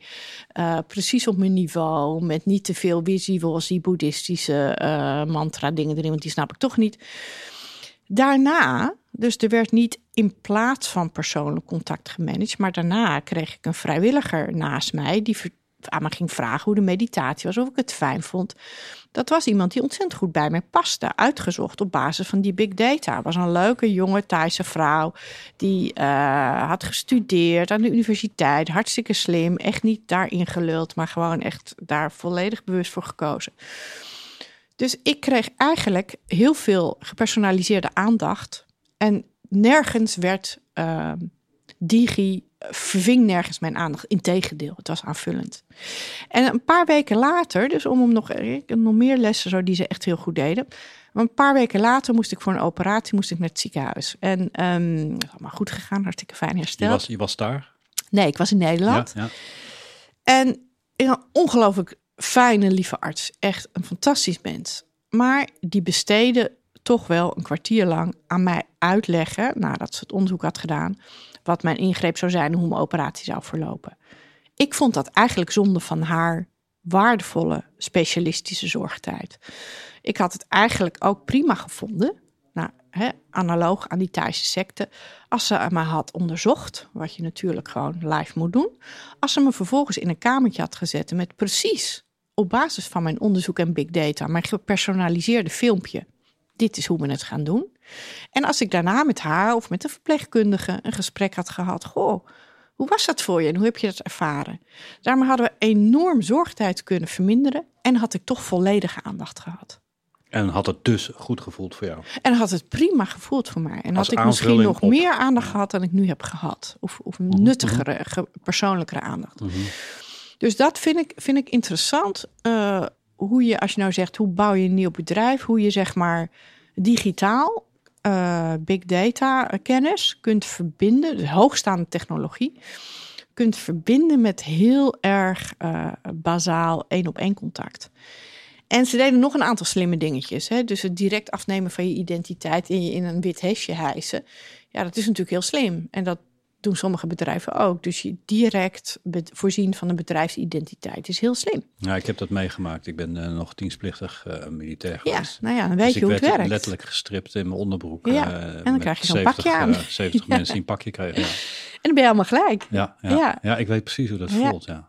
Hele mooie architectuur. Dus ik denk dat omgeving, wat dat voor je mindset doet, dat het echt clean is, dat het heel veel heel veel met mensen Ik moest aan het Apple-gebouw uh, denken, die grote ronde cirkel. Ja, ja. Mm -hmm. ja. Dus die architectuur nou ja, en rituelen. Een... Dus, ze hebben enorme bijeenkomsten. Ze hebben zo'n heiligdom. Dus in heel veel organisaties in de laatste jaren rituelen weg, wegbezuinigd. In het kader van het moet allemaal lean en efficiënt. Terwijl ook weer nu in corona times zie je iedereen rituelen zoeken. Dus dan gaan we de straat op op Italiaanse balkon zingen. Mm -hmm. Dus we kunnen niet zonder ritueel. Mhm. En als je dat dus in een bedrijf, dat doen sommige bedrijven, hè, Coolblue doet dat natuurlijk. Er zijn natuurlijk heel veel bedrijven die bedrijfsrituelen heel goed gebruiken. Dus ik zou een bedrijf bouwen met een combi van hoogstaande technologie, maar niet in plaats van persoonlijke aandacht, maar aanvullend. Mhm. hè, zodat je tijd vrijmaakt voor echt één op één uh, contact. Uh, hele mooie architectuur afgestemd op wat je daar te doen hebt, passend bij je bedrijfsdoelstelling. Um, kleine verbanden, mensen echt een thuisbasis geven, familiale structuren tot die 150 in dat soort uh, aantallen organiseren. Sterk leiderschap, dus echt wel een zichtbare Wat leider. Wat is dat? Wat is een sterk leiderschap?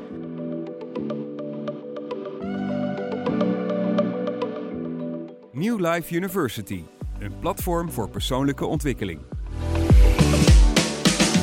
Een platform waar we veel meer voor je kunnen betekenen dan alleen deze podcast. Wij willen mensen helpen een sterke verbetering van hun leven te realiseren. En dat kan zowel op privé als zakelijk vlak zijn. Ik denk dat mensen tot veel meer in staat zijn.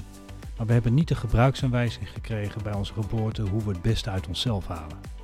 En dat is de reden waarom wij PowerTrail hebben ontworpen.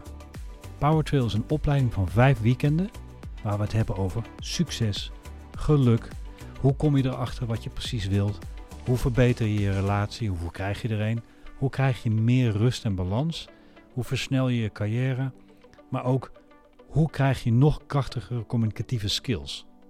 En als je al deze dingen bij elkaar optelt, dan heb je een beschrijving van PowerTrail. De opleiding die ervoor zorgt dat je het maximale uit jezelf haalt. Ontmoet bijzondere mensen en leer nieuwe dingen. Update je body, mind, spirit en skills in onze gratis kennismakingsworkshop. Ga nu naar newlifeuniversity.com/workshop. Een sterk leiderschap is iemand die af en toe op, die op de kansel durft te gaan staan en verhalen vertelt.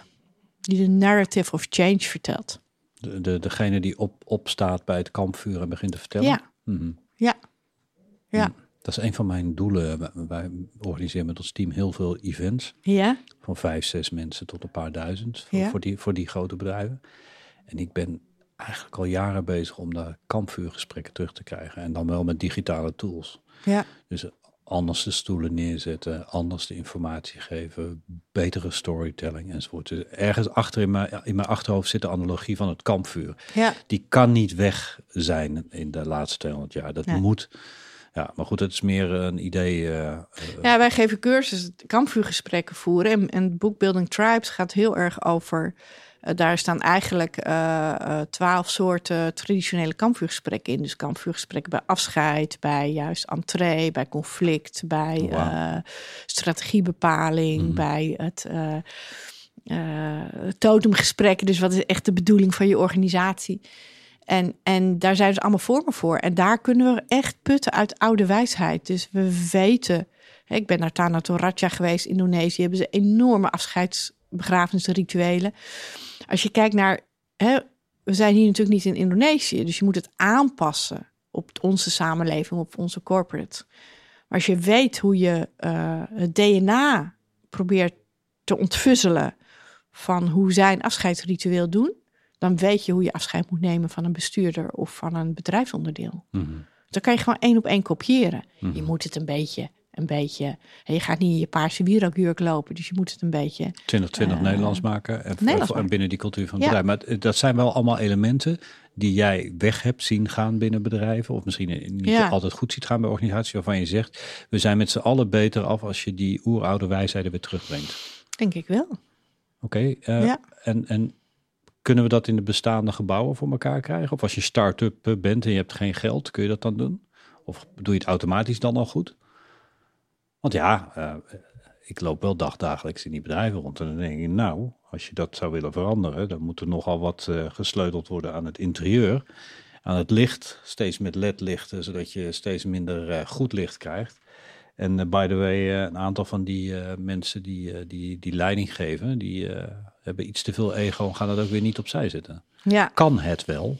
nou ja. ik- Of het- moeten we opnieuw beginnen? vraag ze altijd of, het, of we het willen. Kijk, je, je ziet nu ook weer in crisistijd, dat vind ik dan zo mooi, dat opeens heel veel dingen heel snel kunnen. Dus als je het belangrijk genoeg vindt, kan het. Hè, de- alleen ja, hoeveel heb je ervoor over? Dus geloof je echt dat een ruimteomgeving jou beïnvloedt? Ik zeg altijd, mensen maken cultuur en gebouwen. En cultuur en gebouwen maakt mensen. Dus hoe wil je nou ik, ik had een keer een strategie-sessie bij een klant en ik had niet goed opgelet. Ik let nu veel beter, beter op. was echt nog wel zo toen ik jonger beginnende was. Strategie-sessie met een klant over de toekomstbepaling in een muffe kelder onderin, letterlijk in de kelder zonder daglicht in een conferentieoord. Ja, weet je, hou maar op. Eens. Stof maar. Eens. Toch? Eens. Dus, dus we weten dat toch allemaal. We weten toch allemaal dat als je, eh, ja, dat inrichting belangrijk is. Wil niet zeggen dat het niet kan. Maar ook hier weer, dan verlies je dus heel veel energie met tegen je gebouw inwerken. Als je gebouw gewoon een enorme bende is. En je wil de mensen gestructureerd in urenstaatjes invullen. Ja, weet je. ben je gewoon niet geloofwaardig. is niet congruent. Nee. Wat is eh, de, de grootste uitdaging vaak bij organisaties die je ziet? Nou, mijn adagium is op dit moment echt heel erg, geloof ik echt heel erg in. Aandacht is het nieuwe goud. Ik, ik denk Zag echt, bij echt ja, dat organisaties die aandacht weten te richten in de toekomst, zowel van helemaal op die schaarse arbeidsmarkt, de juiste mensen te, te hebben, te houden, klanten, eh, netwerkpartners, dat die organisaties die ondanks of dankzij technologie en digitalisering, robotisering echt aandacht geven, dat dat de organisaties van de toekomst zijn. En ehm, ik hoop heel erg dat we dat door dit nare virus, dat we dat eh, niet kwijtraken, omdat we allemaal zo fijn zitten te skypen nu. Maar dat we juist voelen hoe arm dat ook is. En dat we echt eh, aandacht, fysiek contact, tactiliteit, kletsen, zorgzaamheid voor je buurt, voor je buren, voor ouderen, eh, hoe belangrijk dat is. En ik hoop echt van harte dat we die transformatie een beetje, een beetje gaan maken. Misschien, misschien wel versneld eh, gaan maken als we uit deze periode van online komen. En we komen straks weer bij elkaar dat we elkaar meer opzoeken. Let's hope so. En online is niet slecht, hè? maar laten we. eh, nou, wat ik heel kinderachtig, nou, misschien kinderachtig of bazaal. Ik doe nu, hè, net als iedereen, en jij misschien ook wel heel veel werk online, omdat we elkaar niet mogen zien, omdat we in die eh, thuisisolatie zitten. En wat ik heel erg mi- mis is de tactiliteit. Dus ik, ik zeg nu wel tegen mensen, tegen klanten of tegen collega's: goh, als je nou gaat internetten, nu met elkaar gaat Skype of Zoom of wat dan ook. Doe even een zacht vest aan. Ga even op een lekkere bank zitten in plaats van op een harde stoel. Want je mist een aantal zintuigelijke waarnemingen van elkaar zien, horen, ruiken, snuffelen. Die mis je. En, en eh, voor je het weet, word je heel flat. En krijg je dus ook flat besluitvorming. Dus doe iets als je dan online gaat met even inchecken. Hoe gaat het met je? Hoe gaat het met iedereen? Eh, laat zien dat je er een lekker koekje bij hebt. Dat klinkt heel flauw. Maar op dat niveau werkt ons tribale brein, denk ik. Prachtig. Ja, Jezus. we zijn niet... Kunnen onszelf daar niet van losmaken. Nee, maar ik geloof, ik geloof dat helemaal. En, eh, ik, ik, ik denk niet dat je zomaar eh, dingen die al heel lang zo zijn. En dat heeft niks met conservatisme te maken. Ik geloof heel erg ook in, het, eh, in, de, in de organisatie van cellen en atomen en moleculen. Ja, geloof je in die ordening ook van, van dingen? Ja, ik geloof heel erg in ordening. Alleen ik kan hem niet bevatten. Dus die ordening is zo groot en, en, Ja. en ook eh, zich repeterend. Dat ik, eh, ik, Oké, ik kan heel stoer zeggen, ja, dat is eh, een beetje als een fractal. En ik weet een klein beetje wiskundig hoe een fractal werkt. Maar ik, ik, ik zeg steeds vaker in de laatste jaren, I don't know. Maar dat er een ordening is, ja, dat, dat lijkt, dat, dat, daar lijkt het wel heel Ja. sterk op. En Leuk, mijn volgende boek gaat over fractals en patronen. Dus dat, is, dat eh, wist ik niet. ja, oh, dat is ja, mooi. ben ik aan het schrijven. Ja. En, en mag ik je vragen wat, eh, in welke richting dat gaat? Het, eh, Ja, het gaat over ordening. Het gaat, gaat over hoe mensen, groepen in organisaties en daarbuiten zich ordenen en wat daarin wetmatigheden zijn. En hoe je ordening kunt zien, hoe je kunt waarnemen. Het is ook een methodologisch boek. Dus hoe Mhm. kan je zien hoe, eh, hoe mensen ordenen? Hoe kan je het waarnemen? Hoe kan je het veranderen? Hoe kan je ordening door elkaar gooien? Hoe kan je herordenen? Interessant, Ja, interessant. het En gaat je- over, ook over fractals en die wiskundige rijen van Fibonacci en zo. Ja, ja, oh, daar zo begint het. Lekker 1 plus 1, 2, Ja, 2 lekker plus, oh, Ja. drie, vijf. Heerlijk. Maar Ja. ehm, jouw vraag, geloof ik in ordening? Ja, ik geloof zeker in ordening. Mhm. Kan hem niet helemaal bevatten. Maar ik durf bijna wel te voelen dat er een, een, een, een formule zou zijn waarmee je bijna alles kan verklaren. Hmm. Alleen weet ik dan ook weer dat er zoiets als gevoel is, maar weet ik ook vervolgens weer dat het gevoel ook weer door uiteindelijk moleculen, atomen en dergelijke wordt veroorzaakt. in 93, 94 heb ik een beetje afscheid genomen van, van 1 plus 1 is 2. En ik zat op de TU Delft en, en dat, dat moest allemaal heel erg technisch te verklaren zijn en zo.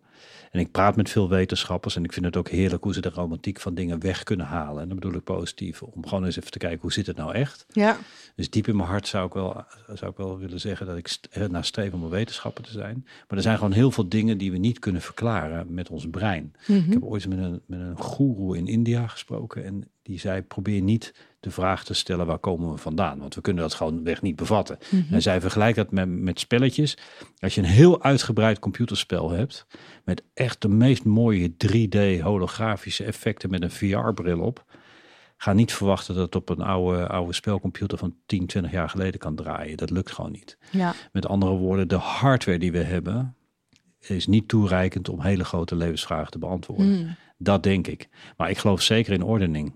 Zeker. Want ik Mm. zie eigenlijk alles als eh, vibratie en energie. Dus als ik het niet meer begrijp, probeer ik even terug te gaan naar de quark, superstrings, kwantumfysische entanglement en allerlei andere zaken. Ehm, dus ja, er is een ordening. Ja. Ja. Leuk. En alleen wat ik moeilijk vind, ik weet dat Ja? je iets wil gaan zeggen, maar ik wil nog even één ding Ja, erbij zeggen. Ik volg Sam Harris. Sam Harris is een, is een, een neurowetenschapper. En, Mhm. en hij heeft me de laatste tijd echt aan het denken gezet. Hij zegt dus, vrije wil bestaat 100% niet. Hmm. Oeh, hersenkraker. Ja. En, en ik geloof dus in die ordening. En dat klopt met wat hij eigenlijk zegt. Dus vrije wil bestaat niet. Maar ik heb er nog wel moeite mee. Want ik dacht dat, dat, dat eh, mensen, misschien ook dolfijnen nog en inktvissen, want die zijn ook erg intelligent en nog een paar andere wezens, dat die zoiets als vrije wil hebben.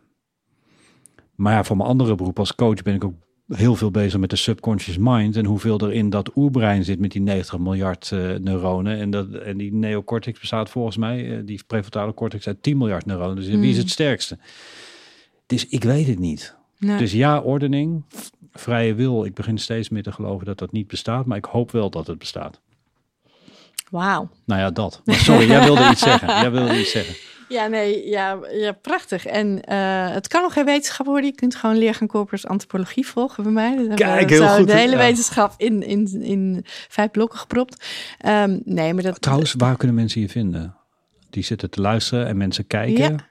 Je hebt een... eh, Op uh, www.academie voor organisatiecultuur, AV Organisatiecultuur, website met enorm veel filmpjes, artikelen, columns. Het is echt ook een kijkwebsite, cursussen, training, alles staat erop.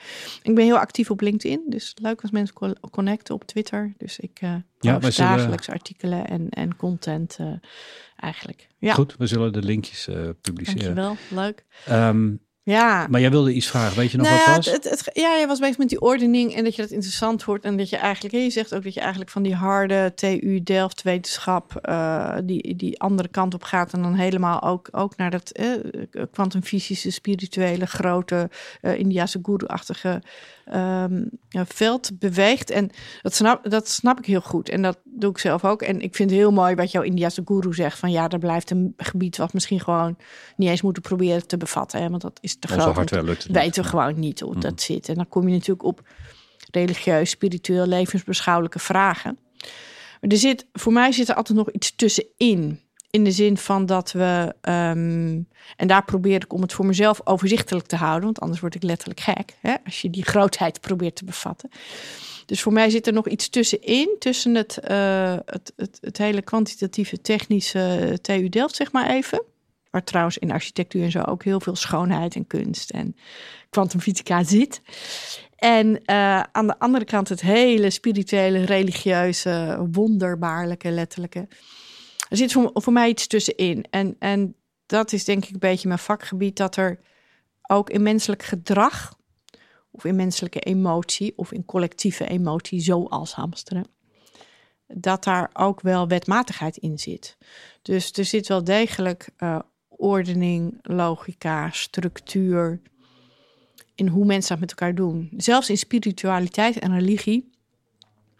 Nou, wat ik in die leergang antropologie ook wel doe, is dat ontmaskeren. Dus, dus we kunnen heel heilig of uh, bijna bewonderend of onderdanig doen over charisma. En dan zeggen we, sommige mensen hebben het gewoon.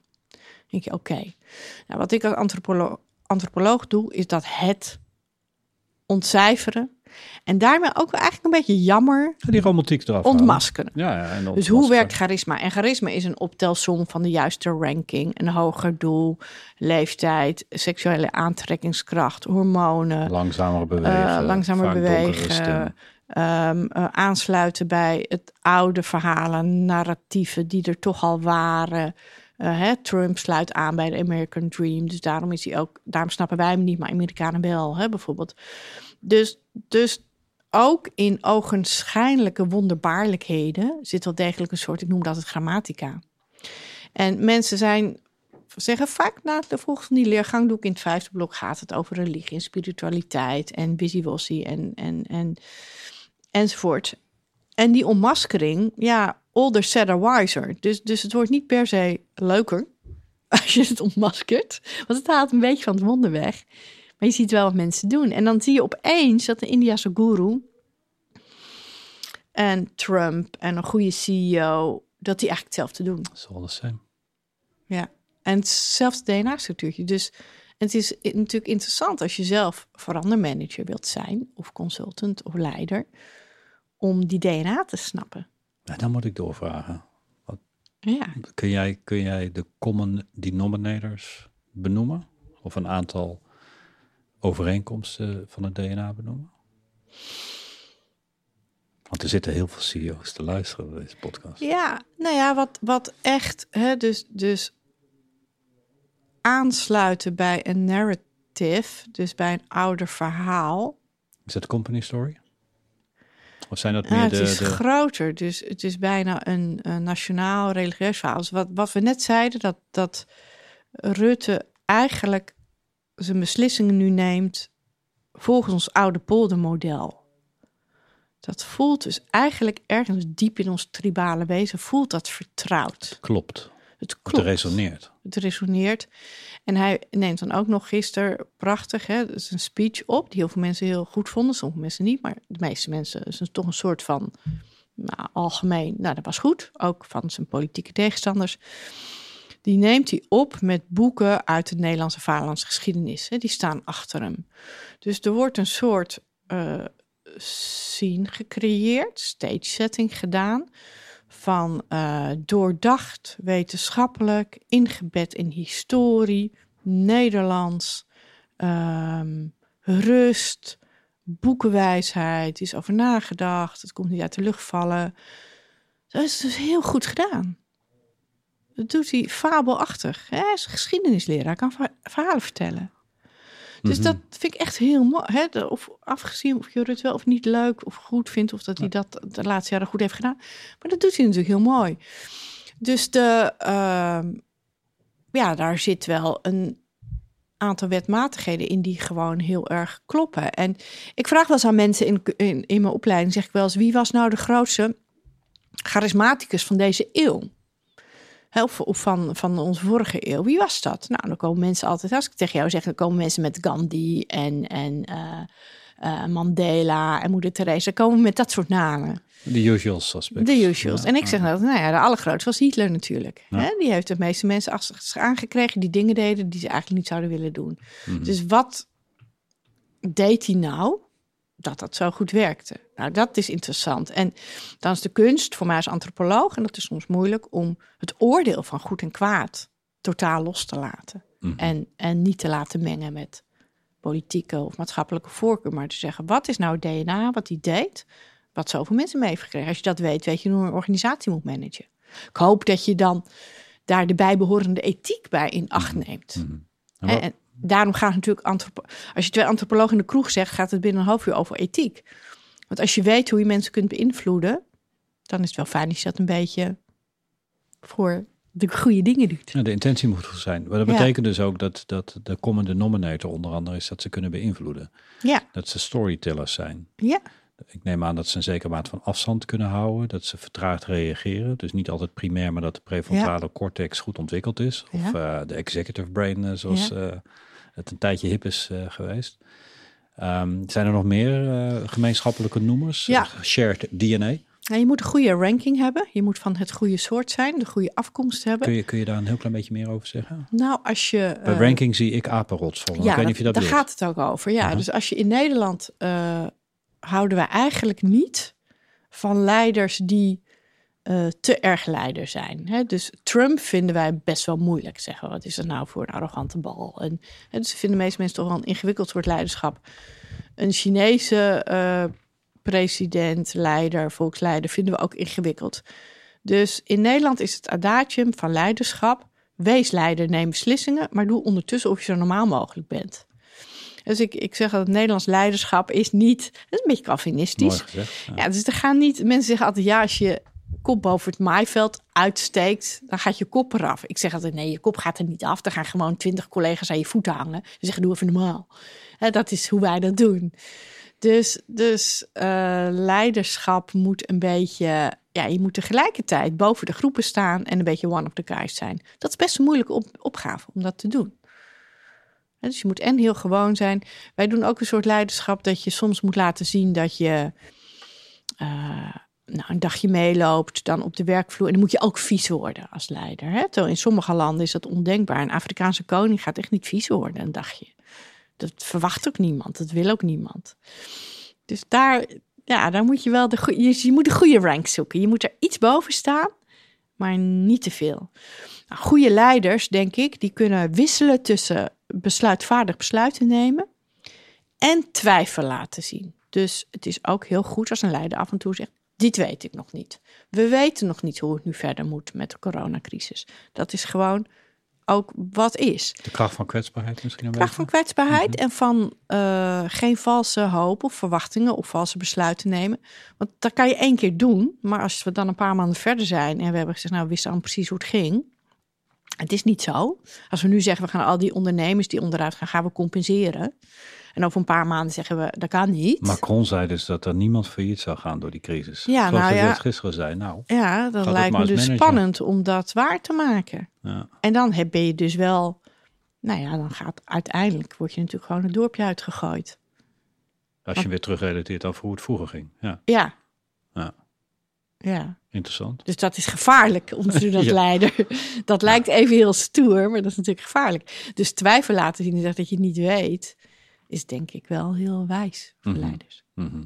Nou, en verder is een soort is een verschil tussen going concern leiderschap en liminaal leiderschap. En liminaal leiderschap, dat is leiderschap wat we nu nodig hebben bij verandering. Dus het kunnen hangen in het. On, we zijn collectief nu in verschrikkelijk ondertussen. We weten het gewoon niet. We weten niet hoe het moet. We hebben zoiets nog nooit meegemaakt. We zijn angstig. En liminaal leiderschap gaat erover dat je mensen van. ehm, ja, eigenlijk begeleidt in dat ondertussen.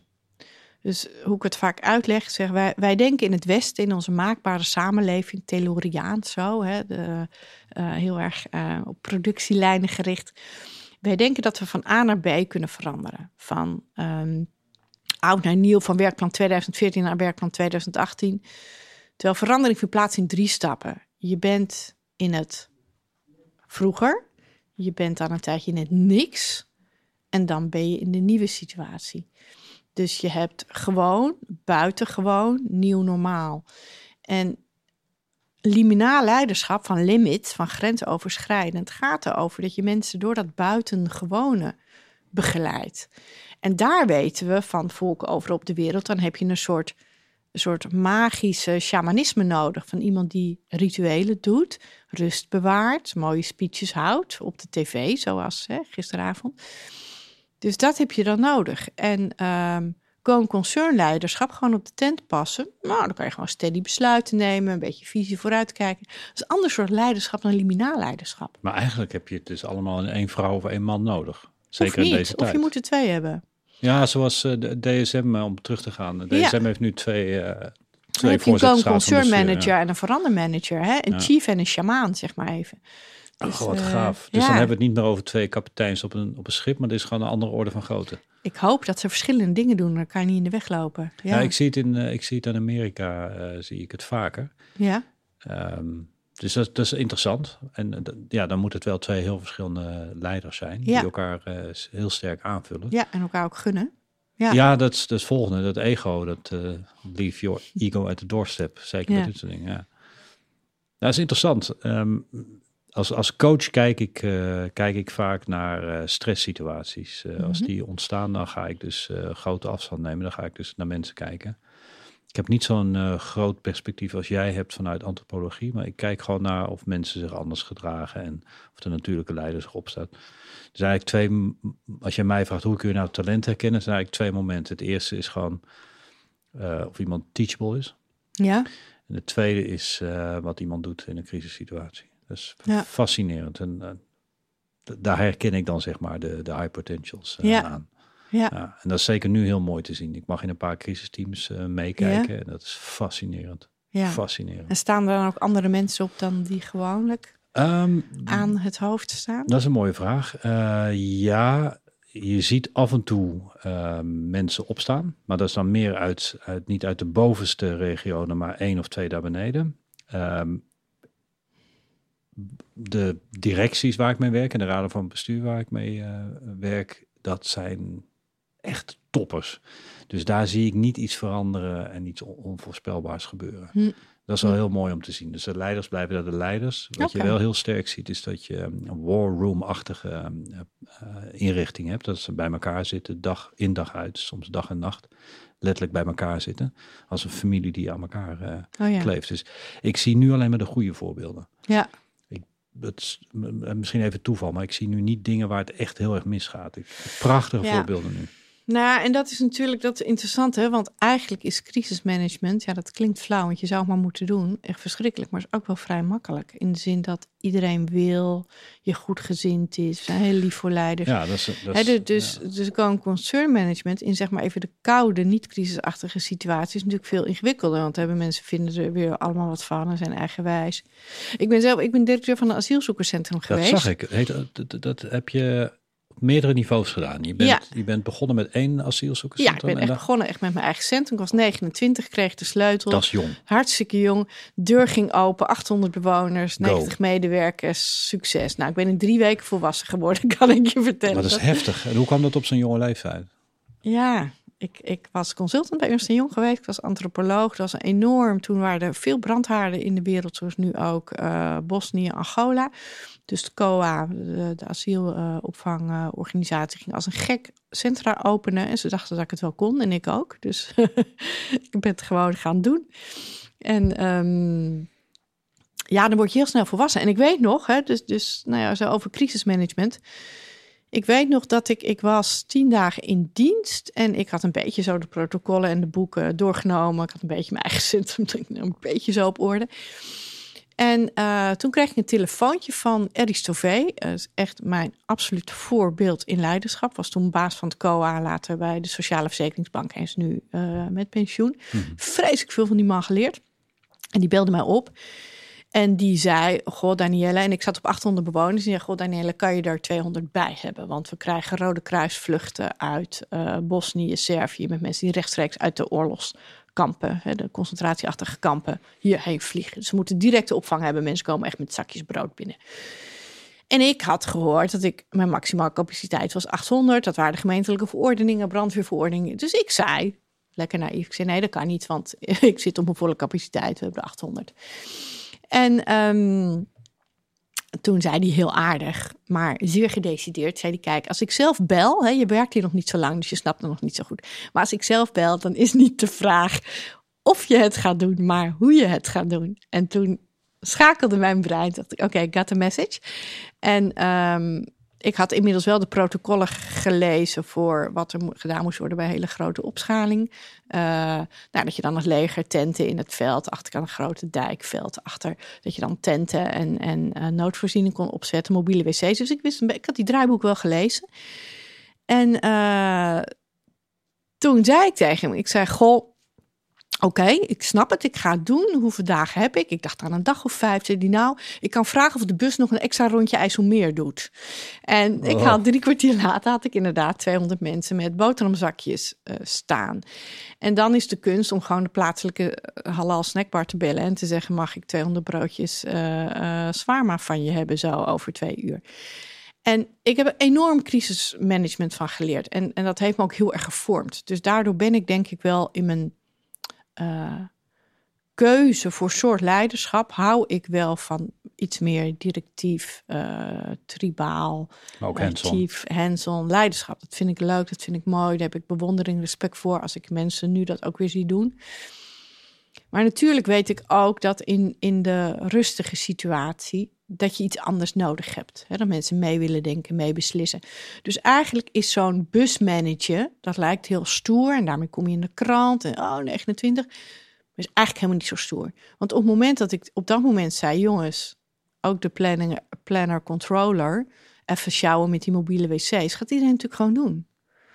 Dus nu ook in coronatijden, en we hebben al maanden kunnen we geen mensen in de zorg krijgen liggen ouderen gewoon, hè, mogen ze maar één keer per twee dagen douchen in plaats van één keer per dag, omdat er geen, uh, hè, omdat er personeelstekort is. We hebben al maanden grote zorgen om de bezetting van de zorg. En nu komen alle oud-verpleegkundigen, melden zich op een meldpunt, gaan hun hulp aanbieden. Dus eigenlijk is crisismanagement, wil niet zeggen dat ik niet diep respect heb voor de mensen. Maar, het is eigenlijk niet zo ingewikkeld. Het is, is minder je hebt heel veel goodwill. Je hebt goodwill en mensen willen naar je luisteren. Ja. Zoeken ook naar die leider. Ja. En het is voor de good cause, dus iedereen weet waar die voor opgesteld staat. Gezamenlijke vijand tussen aanhalingstekens. Precies. Ja. Mensen vergeven je fouten. Ook dat. Ja. Hè? Dan stel je te weinig broodjes, uh, zwaar maar en zeg je, oh nou ja, daar gaan we er nog een paar bij halen. Maar, maar nou even nog verder terug. Ja? Waarom ben jij dan zo gedreven? Want je bent dan, oké, relatief jonge leeftijd eh, pak je die, die job aan. Maar dat betekent ook dat je op een jonge leeftijd hebt geleerd om met verantwoordelijkheid om te gaan. Ja. Waar komt dat vandaan? Want ik kan je zeggen, uh, om persoonlijk te beginnen, ik wilde vanaf mijn derde levensjaar chirurg worden. En mijn moeder zei toen ik vier of vijf was, leer goed naaien, want dan krijgen de mensen mooie wonden. Dus ik heb letterlijk, letterlijk tot mijn achtste dagelijks zitten op naaien. zitten naaien. Alles. En uh, heel veel chirurgische ingrepen op de poppen van mijn zus gedaan. Oh, sorry, uh, again. Um, um, maar anyway, ik ben uiteindelijk uh, techniek gaan studeren, niet afgemaakt te studeren en iets heel anders gaan doen. Waarom ben je geen chirurg Nou ja, dat, als ik terugdenk nu, uh, in alle eerlijkheid, uh, ben ik op alle vlakken een laadbloeier. Hm. Dus ik kon, en dat, dat linkt ook aan de vraag die ik je wil stellen, ik kon gewoon toen nog niet die verantwoordelijkheid nemen, denk ik, over, over leven en dood. Ik denk, maar dat is echt van achteraf, na 10, 20 jaar, 30 jaar weer terugkijken. En dat heeft mij doen uh, besluiten, weer nog wat thee. Dat heeft mij doen besluiten om, uh, om, uh, om geen chirurg te worden. Mm. En om mijn 18e ben ik naar Delft gegaan. Ja. Um, maar nog steeds een, uh, een voorliefde voor het medische vak. Uh, maar ik denk dat ik er niet klaar voor was. Ik heb iets makkelijks gekozen toen. Ik denk dat dat het echte antwoord is. Hm. Um, dat, dat vind ik. Nou ja, dan misschien dat, dat, ik nu een te grote zijstap maak. Maar wat mij dan enorm fascineert, is de vraag. Vind ik echt een heel moeilijk dilemma. Ook zo met mijn eigen kinderen, maar ook, ook hoe doen wij dat als samenleving? Dus hadden jouw ouders jou nou door moeten pushen? Achteraf had je, had je gezegd, goh, ze hadden meer moeten zeggen. hey, en nou klaar met dat gefeest en, en, en hoezo mm. niet verantwoordelijk, je gaat gewoon doen. Mm. Of ben je blij dat je het zelf hebt kunnen beslissen achteraf? Nou, dat laatste. Um, mijn vader, uh, daar vind ik het echt, echt cool om je te ontmoeten eigenlijk. Uh, ook, ook nog extra. Mijn vader was politiek vluchteling. Hmm. Dus die is uh, letterlijk met een pistool op zijn kop uh, gevlucht uh, en iedereen afgeschoten. En hij heeft het als enige gered via een aantal landen in Nederland terechtgekomen. En hij is met, met mijn moeder toen getrouwd, Nederlandse. en waar kwam hij vandaan? Waar... Oekraïne. Ja. West-Oekraïne. Ja, vandaar je naam ook. Zeker. Ja, ja. West-Oekraïne was nogal anticommunistisch in die tijd. En uiteindelijk is hij, is hij hier gekomen. En heeft dus een groot deel van zijn begin van zijn leven niet vrijheid gekend. Hmm. Dat betekent dus dat hij het heeft omgedraaid en ons in alle vrijheid heeft opgevoed. Hmm.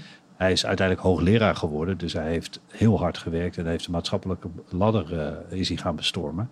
Dus ging hij ervan uit, zonder dat vaak uit te spreken, dat wij ook zouden gaan studeren. Hmm. Maar toch heerste er bij ons een, een hele hoge vrijheid van meningsuiting, vrijheid van keuze, omdat hij dat wilde ja, geven wat doorgeven. hij, ja, ja. hij had het natuurlijk nooit gehad. Nee. Op zijn vijftiende is het bij hem eh, Zo. begonnen. Ja.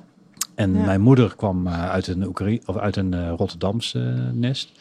Niet lullen maar poetsen, was echt een aanpakken ondernemersgezin.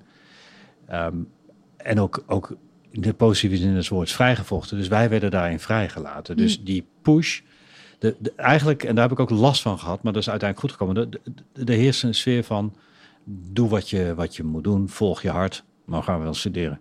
Dus toen heb ik me eerst geschreven voor, eh, voor eh, een technische studie. ehm, ehm.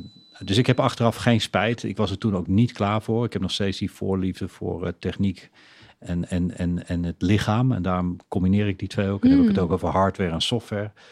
Ehm, nee, ik ben niet gepusht. Hadden ze dat moeten doen?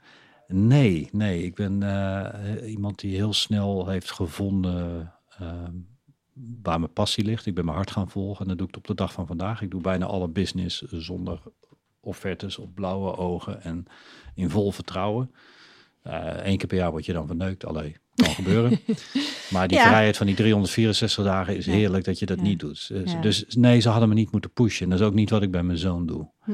En, en nog zelfs minder dan ik eh, bij, ehm, bij eh, dan, dan ik zelf heb meegemaakt. Nee, ik denk, niet, ik denk niet dat het in mijn situatie goed was geweest. Maar ik denk wel dat het in sommige situaties handig is, omdat de ouders gewoon dingen zien. Hm. Dus als je ziet dat je zoon of dochter eh piano spelen leuk vindt en daar een talent voor heeft, maar net even iets te veel feest, misschien is een zetje in de goede richting niet verkeerd. Ja. ja. Maar ik vind het een, een mooie vraag, maar ook een moeilijke vraag. hè? Ja, absoluut. Ja. Wat lekker, dankjewel. Ja, dat is helemaal... Wel, wat gaan we zo doen? Droge keel van oud praten. Dankjewel, Ja, Anton. veel, veel, veel gepraat. Hartstikke lief. Ehm, mag ik je nog wel een paar vragen stellen? Ja, sure. Want ik vind het namelijk wel erg interessant. Ehm, En ik vind het leuk, dus goed zo, goed ja. zo. En het is lekker om zonder agenda te gaan. Hè? Dat is Goed, ook hè? fijn. Ja, En wat je merkt is dat in de media in de laatste 10, 15 jaar steeds meer de ontwikkeling van Amerika naar hier is gekomen. Dat het allemaal in snippets moet. En in Ja. een paar seconden, ik ben een paar keer op radio geweest en, en tv. En dat is verschrikkelijk hoe kort je dingen moet zeggen. ja. Dus ik dacht, als ik later groot ben, ga ik iets verzinnen. Niet weten dat het dit zou zijn. Waar je zonder agenda mensen laat uitpraten. Dus ik hoop Ja. echt het gevoel dat, eh, dat je. de- Ik hoop echt dat je het gevoel hebt dat je alles kan zeggen, mag Ja. zeggen. En dat ik je nergens onderbreek. Hoogstens om enthousiasme misschien. Maar dat je echt gewoon je punt kan maken. ja. En dat blijf ik ook doorzetten. Ik weet niet of je het in de gaten hebt, maar we gaan richting de twee uur al Zo, bijna. En eh, deze podcast, eh, ik krijg van iedereen aangeraden om, om die binnen een uur af te ronden. Ik ga het niet doen. Dit wordt een podcast van 1 tot 4 uur en dat maakt niet uit. Je moet kunnen zeggen wat je moet zeggen. Het heet ook update je mening. Dus ik heb een duidelijke mening, maar probeer die een klein beetje op de achtergrond te houden. Ja, En ik heb een hoger doel met ons team om mensen die hier naar kijken eh, of luisteren, dat die mensen hun mening kunnen herzien, kunnen updaten, kunnen krijgen of gewoon kunnen houden. Hm. Maar ik vind dat er bar weinig tijd wordt vrijgemaakt in de samenleving. Om niet alleen het gesprek te hebben, maar ook om de vrijheid te hebben om je eigen mening te kunnen vormen. wauw. En Dat dat ook- heb je dus van je vader met Ah, zijn ja, meegekregen. ja, Misschien nee, ergens diep, absoluut. diep in je Nee, DNA. dat, dat is absoluut mijn uitroepteken.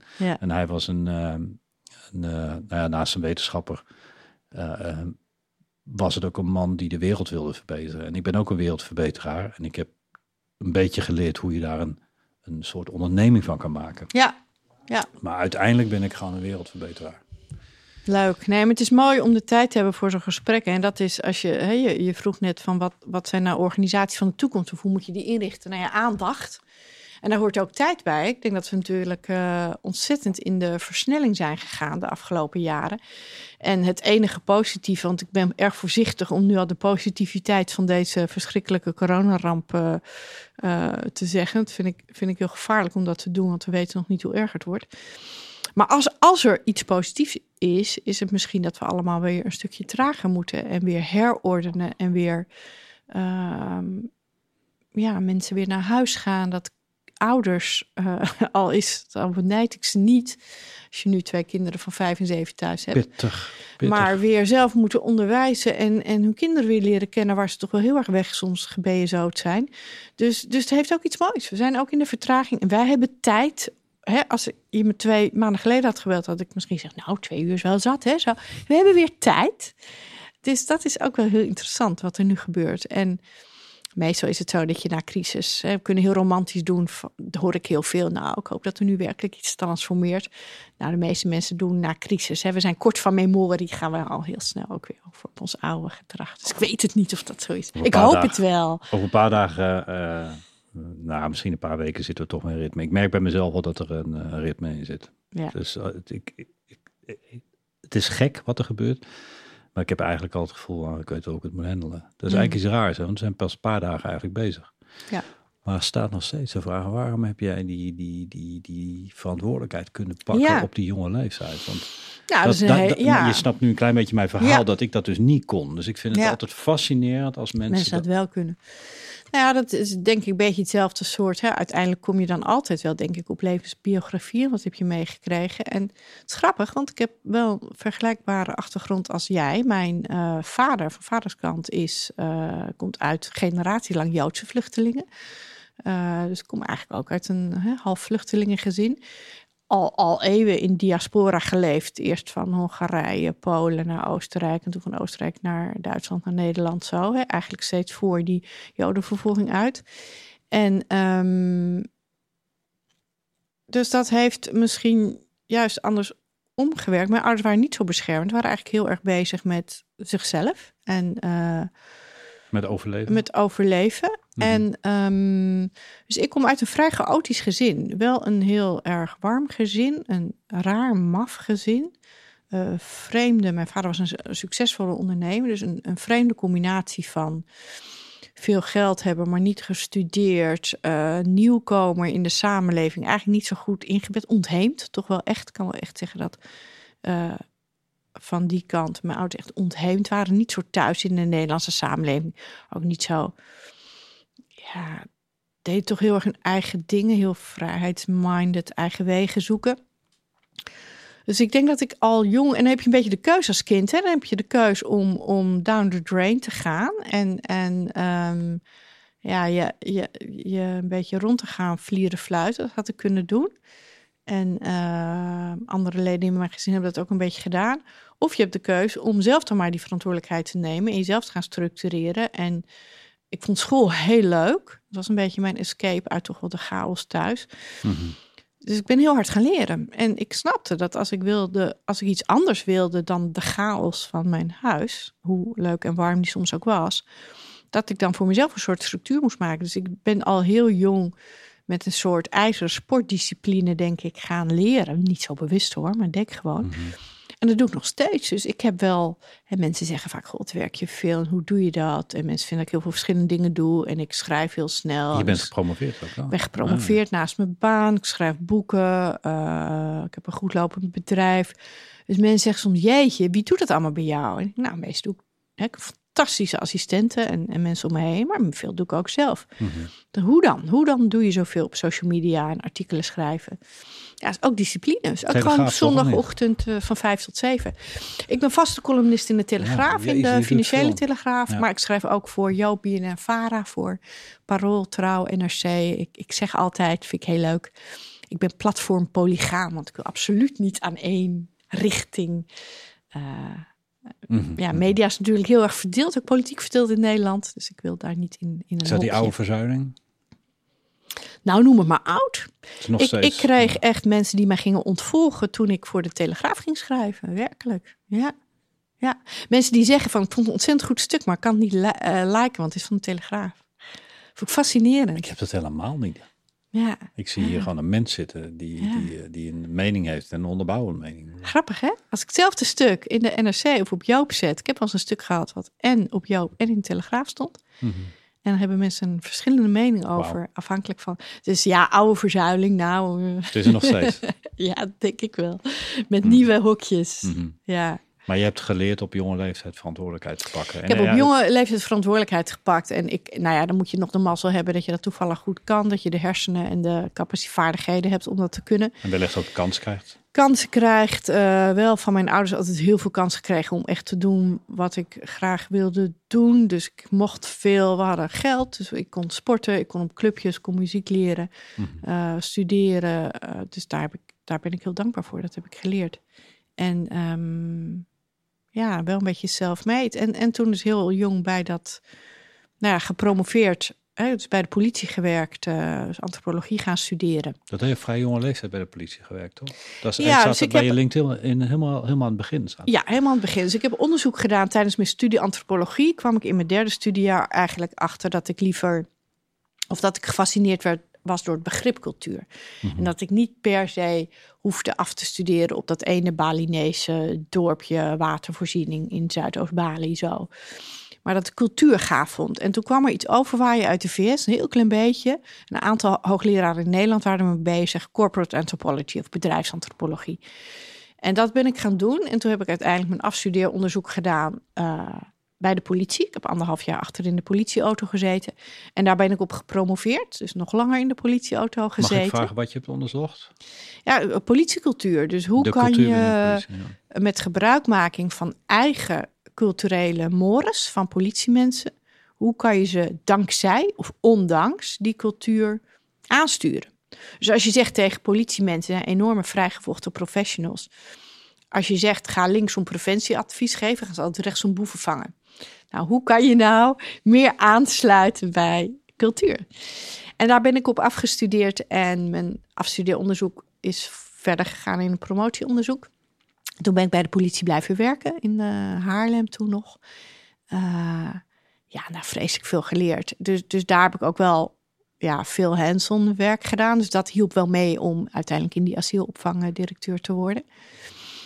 En bij het COA heb ik echt geleerd verantwoordelijkheid te nemen en te besturen en te leiden. Want En, niemand anders had je waarschijnlijk die dat deed. Dus je moest wel die verantwoordelijkheid pakken. Ja, En het ging ook nog over levens. Het ging over levens. En, en het is nog wel een beetje zo in de asielopvang. Maar zeker in mijn tijd was het ook vrij nieuw. En wat heel gaaf was. ehm, ik was een soort. Men, wij zeiden altijd tegen elkaar: directeur, je bent een soort burgemeester van een, van een mini. Dorpje, bananenrepubliekje met andere wet en regelgeving dan in de rest van Nederland.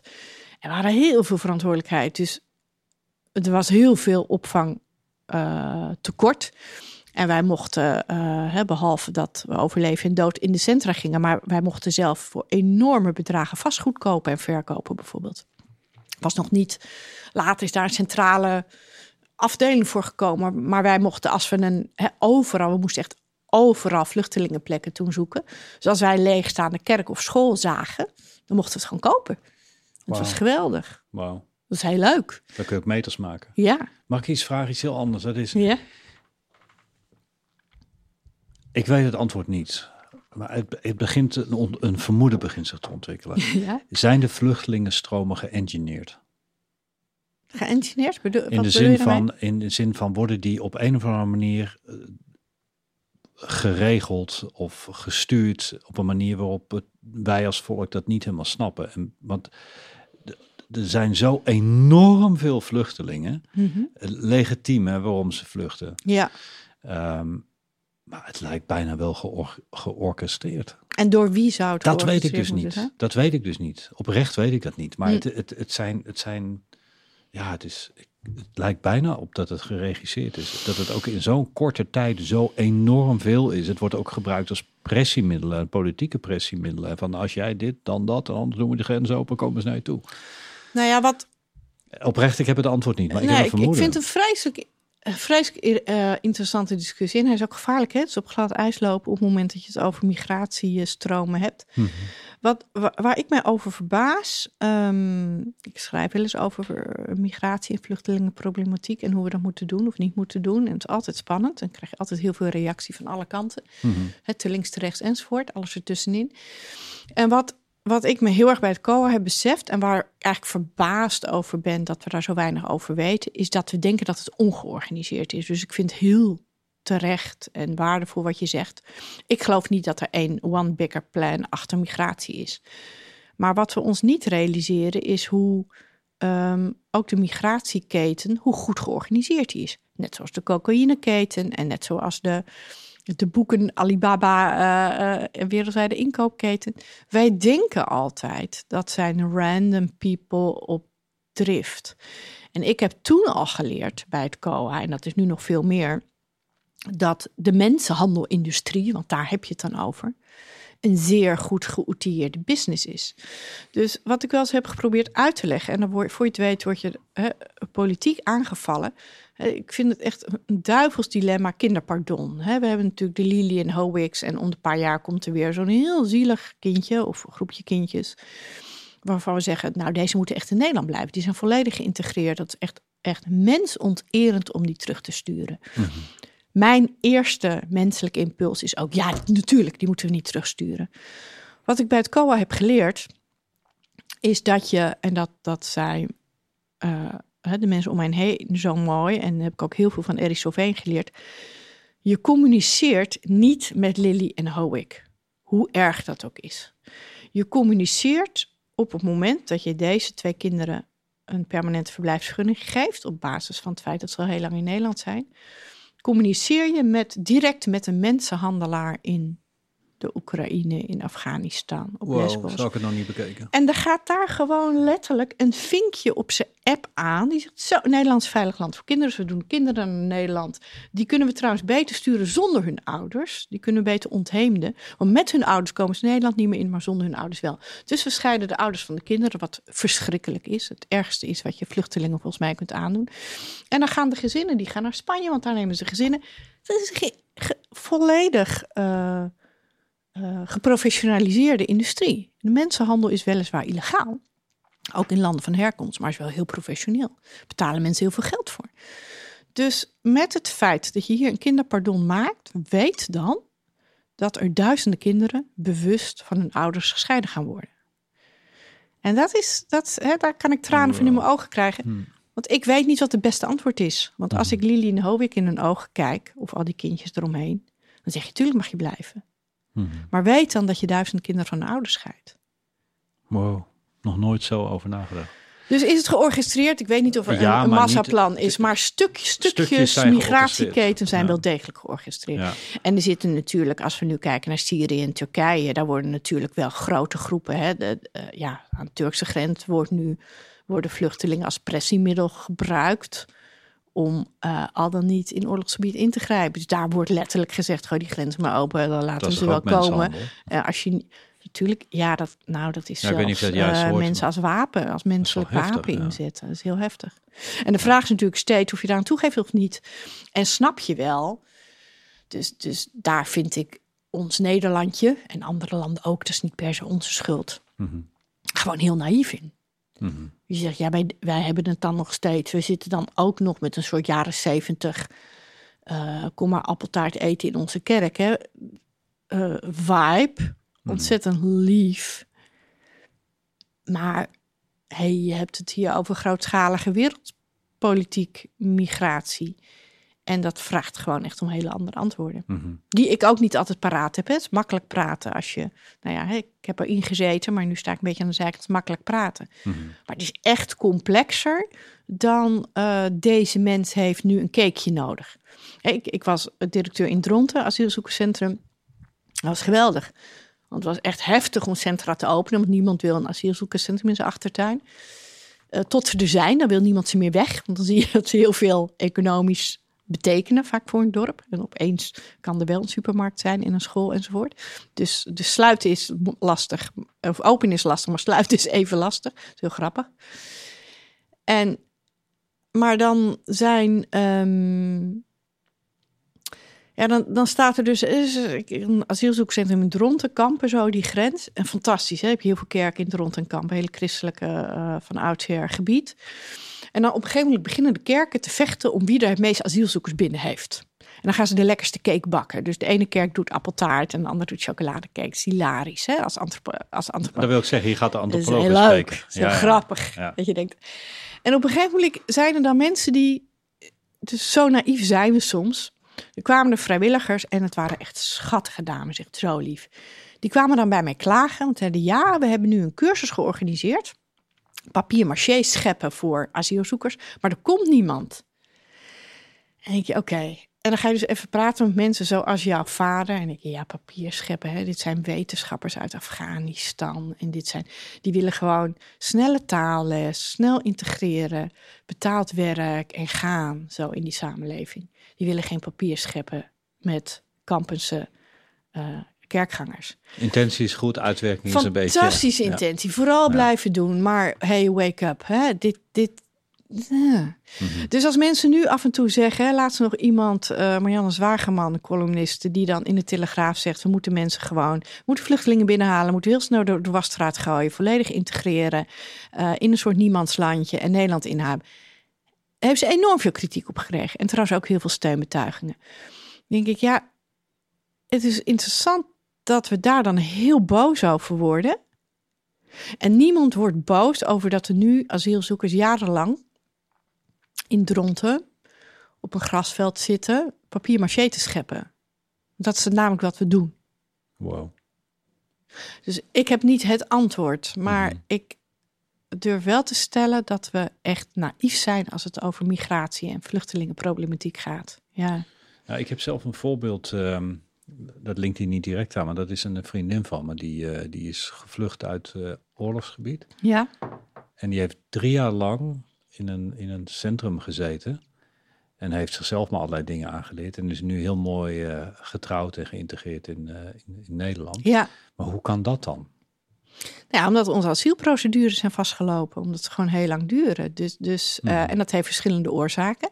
Dat heeft oorzaken in het Nederlandse systeem. Dat we zoveel beroepsprocedures hebben die, uh, ja, die maken dat, dat het heel lang kan duren. Mm Het komt soms door landen van herkomst die mensen weigeren hun identiteit te geven. Chinese asielzoekers hebben bijvoorbeeld problemen omdat hun Chinese identiteit wordt afgenomen. Die zijn een soort niks. Mhm. Dus daar kunnen mensen ook niet zelf aan doen. Soms mhm. hebben mensen zelf bewust hun papieren weggemaakt, zodat je niet ziet dat ze eigenlijk uit Marokko komen en helemaal niet uit Syrië. Dus dat is, hè, soms zijn mensen er zelf debet aan. Kijk, ons, ons asielbeleid. Wat leuk, we zitten opeens in een heel ander gesprek. ons asielbeleid is, is eigenlijk en op mensen als jouw vader, de traditioneel um, enkeling politiek vluchteling. We hebben onze verdragen gemaakt op die vluchteling. Dus op, op de uh, Argentijnse verdwee, uh, hoe noem je dat? Waze moedersvluchteling. Dus op ja. de paar mensen die, omdat zij politiek actief waren of, of uh, nou, er iets mee was, dat zij individueel, vaak hoogopgeleide mensen, naar een veilig thuishaven moesten. Daar is oorspronkelijk ons asielbeleid op gebaseerd. Ons asielbeleid is nooit gebaseerd op hele grote groepen op driftslaande mensen. Aha, dus je hebt eigenlijk. Dus daar zijn onze regels helemaal niet Precies, ja, geschikt voor. Dus ook geen boze onwil weer, maar gewoon. Nee, dat is zo gegroeid. Dat is historisch. Het is goed om het historisch uh, perspectief daarvan te zien. Dus mm we mhm. hebben mensen. Dus, dus wij zeggen, we moeten iedere aanvraag individueel behandelen. Dat vinden we rechtvaardig. Dat vind ik daar zit ook iets moois in dat je zegt, je mag niemand over één kam scheren. Je moet ieder verhaal individueel wegen. Mhm. Tegelijkertijd ja, lopen we daarom vast. Want als je dus een hele grote groep Syriërs nu hebt, je kan je zeggen, ja, allemaal gelijk wegen, maar zou je ze niet meer groepsgewijs moeten benaderen? Mm Nou, er zit natuurlijk ook een risico in. Want als jij net die ene Syriër bent, waarvan we zeggen als Nederland, je bent, het is veilig, je kunt terug. Maar jij bent net een Syrische homo die helemaal niet terug kan. Heb je natuurlijk een probleem. Dus daarom doen we nog steeds die individuele afweging. Tegelijkertijd loopt daarmee ons systeem zo vast dat we eigenlijk niet meer kunnen handelen. Dus wat is menslievender? Hè? Mm Dus ben je bereid, en dat is natuurlijk. Het is een afschuwelijke vraag, maar ben je bereid om een Lily en Howick op te offeren, terug te sturen, met bloed, zweet en vooral heel veel tranen. Om daarmee te voorkomen dat andere kinderen gescheiden worden van hun ouders. Ben je daartoe bereid? En dat is een omkering van de vraag. Mhm. Dus de vraag die nu wordt, vaak wordt gesteld: zijn wij zo menslievend, menswaardig om Lili en op te vangen? Misschien ja, spandoeken. Maar de omgekeerde vraag is: ben je bereid om twee kinderen op te offeren voor een heleboel andere kinderen? Mhm. Maar dat is geen populaire vraag. Nee, maar wel een totaal relevante vraag. Want dat is wat er kan ik gebeuren. Ik weet niet of we hem aan kunnen als mens, mhm. dat soort vragen. Mhm. Want dan moet jij, dan heb je bloed aan je handen, hè? Mm Dat is heftig. Ja. Je zet maar aan het denken. Ja. ja. Maar dus, de, de, hè, dus jij begint er eigenlijk over, dus het georchestreerde van migratiestromen, daar zijn we ons denk ik nog onvoldoende bewust van Nou, hoe, hoor- hoe professioneel het is. Ik hoor je duidelijk zeggen eh, dat, dat, dat, dat je niet weet of er zo'n masterplan over de hele wereld is. Maar één ding is zeker. De, er zijn bepaalde stromen die gewoon goed geregeld zijn. En daar zit natuurlijk een gigantische hoeveelheid eh, organisatiekennis en, Ja. en kunde achter. Ja. Die vaak nu worden gefinancierd door drugshandel. Hè? Dus er zit ook nog een link tussen, tussen drugshandel en mensenhandel. Ook nog. Hè? Dus, dus als je Mhm. de, de, de financiering van mensenhandel loopt vaak weer via drugshandel. Dat zijn soms dezelfde, eh, dezelfde En, en, wa- en wat, is, wat is dan de menshandel? Dat je geld krijgt van die mensen die willen vluchten. Ja, mensen betalen. Er komt geen vluchteling bijna meer in Nederland die niet heel veel geld aan de mensenlanden heeft betaald. Mhm. Hè, dus dus eh, je betaalt gewoon om, zeker uit Afrika, betaal je gewoon om in een bootje te mogen stappen, betaal je gewoon heel veel geld voor. Mhm. En we hadden in, in mijn asielzoekerscentrum werd ik heel gauw getraind, vond ik heel gaaf. Als dan mensen zeiden, ja, ik weet niet hoe ik met de bus van Dronten naar Lelystad moest komen. Dan dacht ik nog, nou, dan moeten we dus, dan moet er iemand mee. En dan zeiden van die oude rotte opvangmedewerkers tegen mij, zeiden, wacht even, hè? hij is net van Iran naar Nederland gekomen en hij zou niet van Dronten naar Lelystad kunnen komen. Legt hem één keer uit, maar echt stoppen met pamperen. Daar heb ik zoveel van geleerd. Wauw. Ja. Ja, tuurlijk. Mhm. De hele ondernemende mensen. Mhm. 2020, corona. Ja. Wat moeten we nou doen? Rustig blijven? Dan bedoel ik niet, het is geen medische vraag, maar Nee, nee daar ga ik echt niet aan wagen. zo verschrikkelijk veel in de samenleving. Ja. Het is onvoorstelbaar wat, wat je allemaal ziet gebeuren. Ja, En, en de rust die ik nu zelf voel, die zie ik niet bij, bij Nee. iedereen. het is bijna lekker hè, om hier in ons afgesloten studio te zitten.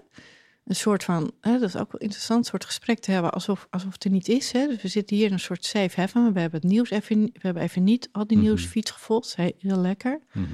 Misschien moeten we dat ook soms af en toe doen. Even al het Mhm. nieuws uit. En ja, ik, ik heb er eigenlijk... Mijn samenvatting zou zijn verdragen.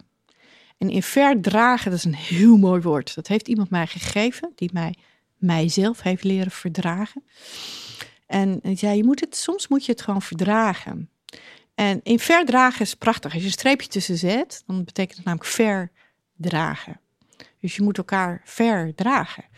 Eh dat gaat over asielzoekers, over vluchtelingen die je soms moet oppakken en verdragen. Ja. Het gaat ook over ehm, uithouden, het over je heen laten komen. Ehm, het is iets anders dan tolereren. Dus je moet het verdragen en daarin moeten we elkaar dus ook dragen. En ik denk dat dat is wat we nu moeten doen. Elkaar en jezelf verdragen. Mhm. Ja.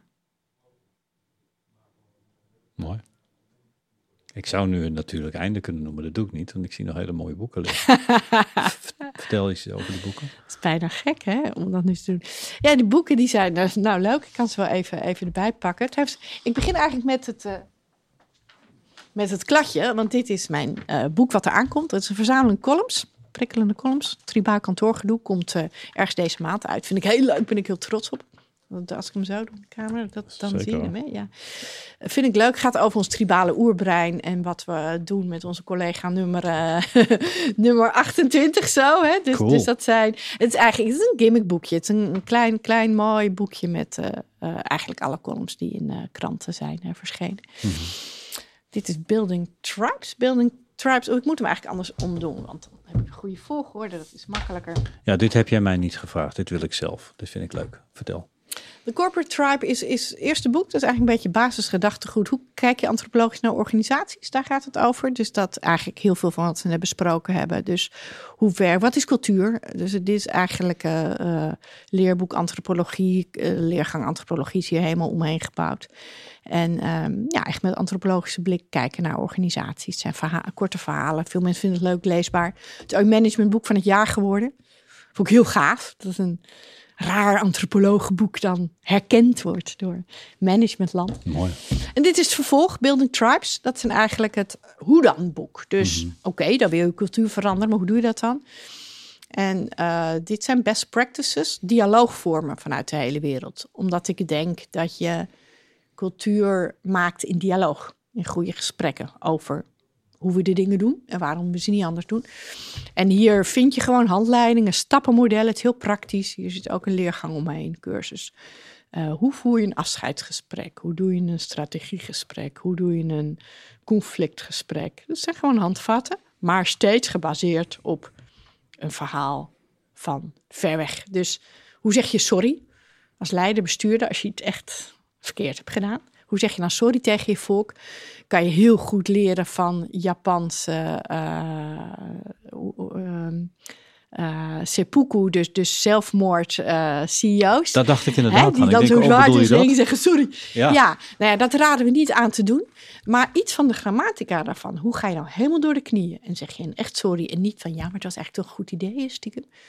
Nou, dat, dat, dat staat hierin. Hoe zeg je sorry als je het echt hebt verkloot? En wij zeggen dan heel vaak: ik neem mijn politieke verantwoordelijkheid. Nee, je moet dat zwaard in jezelf steken. Dat is veel leuker. Nou, hoe je dat dan op zijn Nederlands doet. en um, dat is gek is eigenlijk ook uh, een populair antropologisch boekje. Het gaat over gek en normaal, over uh, lessen uit andere volken. En gaat ook over uh, gek, over de GGZ. Dus, dus hoe hebben we organisatie doorgedraaid? Hoe hebben we de psychiatrie doorgedraaid? De ouderenzorg. Uh, en hoe maken we de samenleving, de organisaties weer bezielder? Misschien is daar een virus voor nodig, dat, weet, dat hoop ik niet. Maar mm -hmm. dat is misschien mm -hmm. zo. Ja, en aan het schrijven aan een nieuw boek, uh, maar dat is nog. Uh, daar heb ik nu heel veel tijd voor. Ordening. Over ordening. Ordening. Ja. Ja, je, je hebt veel tijd, maar uh, het is denk ik ook goed om deze tijd met z'n allen te hebben. Want het is eigenlijk een samenleving die tot bezinning wordt gedwongen. En dat is niet helemaal verkeerd, denk ik ik denk dat we op een aantal gebieden nu wel weer aan het herordenen zijn. Dat, dat mm -hmm. de overspannenheid. Ik heb het zelf een eindexamenkind thuis zitten. En um, soms ben ik verbaasd wat kinderen op haar leeftijd allemaal moeten, wat wij nog niet hoefden. Hoe zwaar mm. hun school is geworden, omdat ze maar in die red race mee moeten, zoals we allemaal. En um, nu heeft ze rust. Ze moet nog steeds hard studeren voor de eindexamen. Maar een heleboel onzin is eraf. Gaat prima. Ik wat heerlijk. Ja. Wat, wat, een verademing, letterlijk. Ja. Mm. Mag ik jou heel erg bedanken? Mag ik jou heel erg bedanken? Voor wat? Ik vond het gewoon hartstikke leuk om te doen. voor mij uitnodigen en voor je uh, oprechte vragen. Ja, dit, daarom zei ik je in het begin al, dit, hier heb ik echt naar uitgekeken. Omdat je dingen weet en dingen hebt onderzocht ook en veel hebt gezien waar, waar ik echt nog vragen bij heb. En ik zit dagdagelijks in die grote organisaties en ik zie dingen heel goed werken en dingen niet werken. Daarom vind ik het interessant. Werk je ook voor, voor organisaties? Sta je er open voor om uitgenodigd te worden? Zeker. Ik doe heel veel lezingen, masterclasses, mhm. korte interventies. Mhm. en, en ik doe zo'n twee, drie keer per jaar wil ik echt met mijn voet in de klei. En doe ik grote cultuuronderzoeken of veranderingen. Omdat ik wil blijven voelen hoe moeilijk dat is. Mhm. Ja. ja. Thanks. Ik zou je nu heel erg de hand willen schudden, maar dat, dat mogen nee, we niet. Nee, we gaan straks een elleboog. Ja, we doen het. Super dank. Twee minuten af. Dank jou wel. Keep dank up the good job. So. Dank je.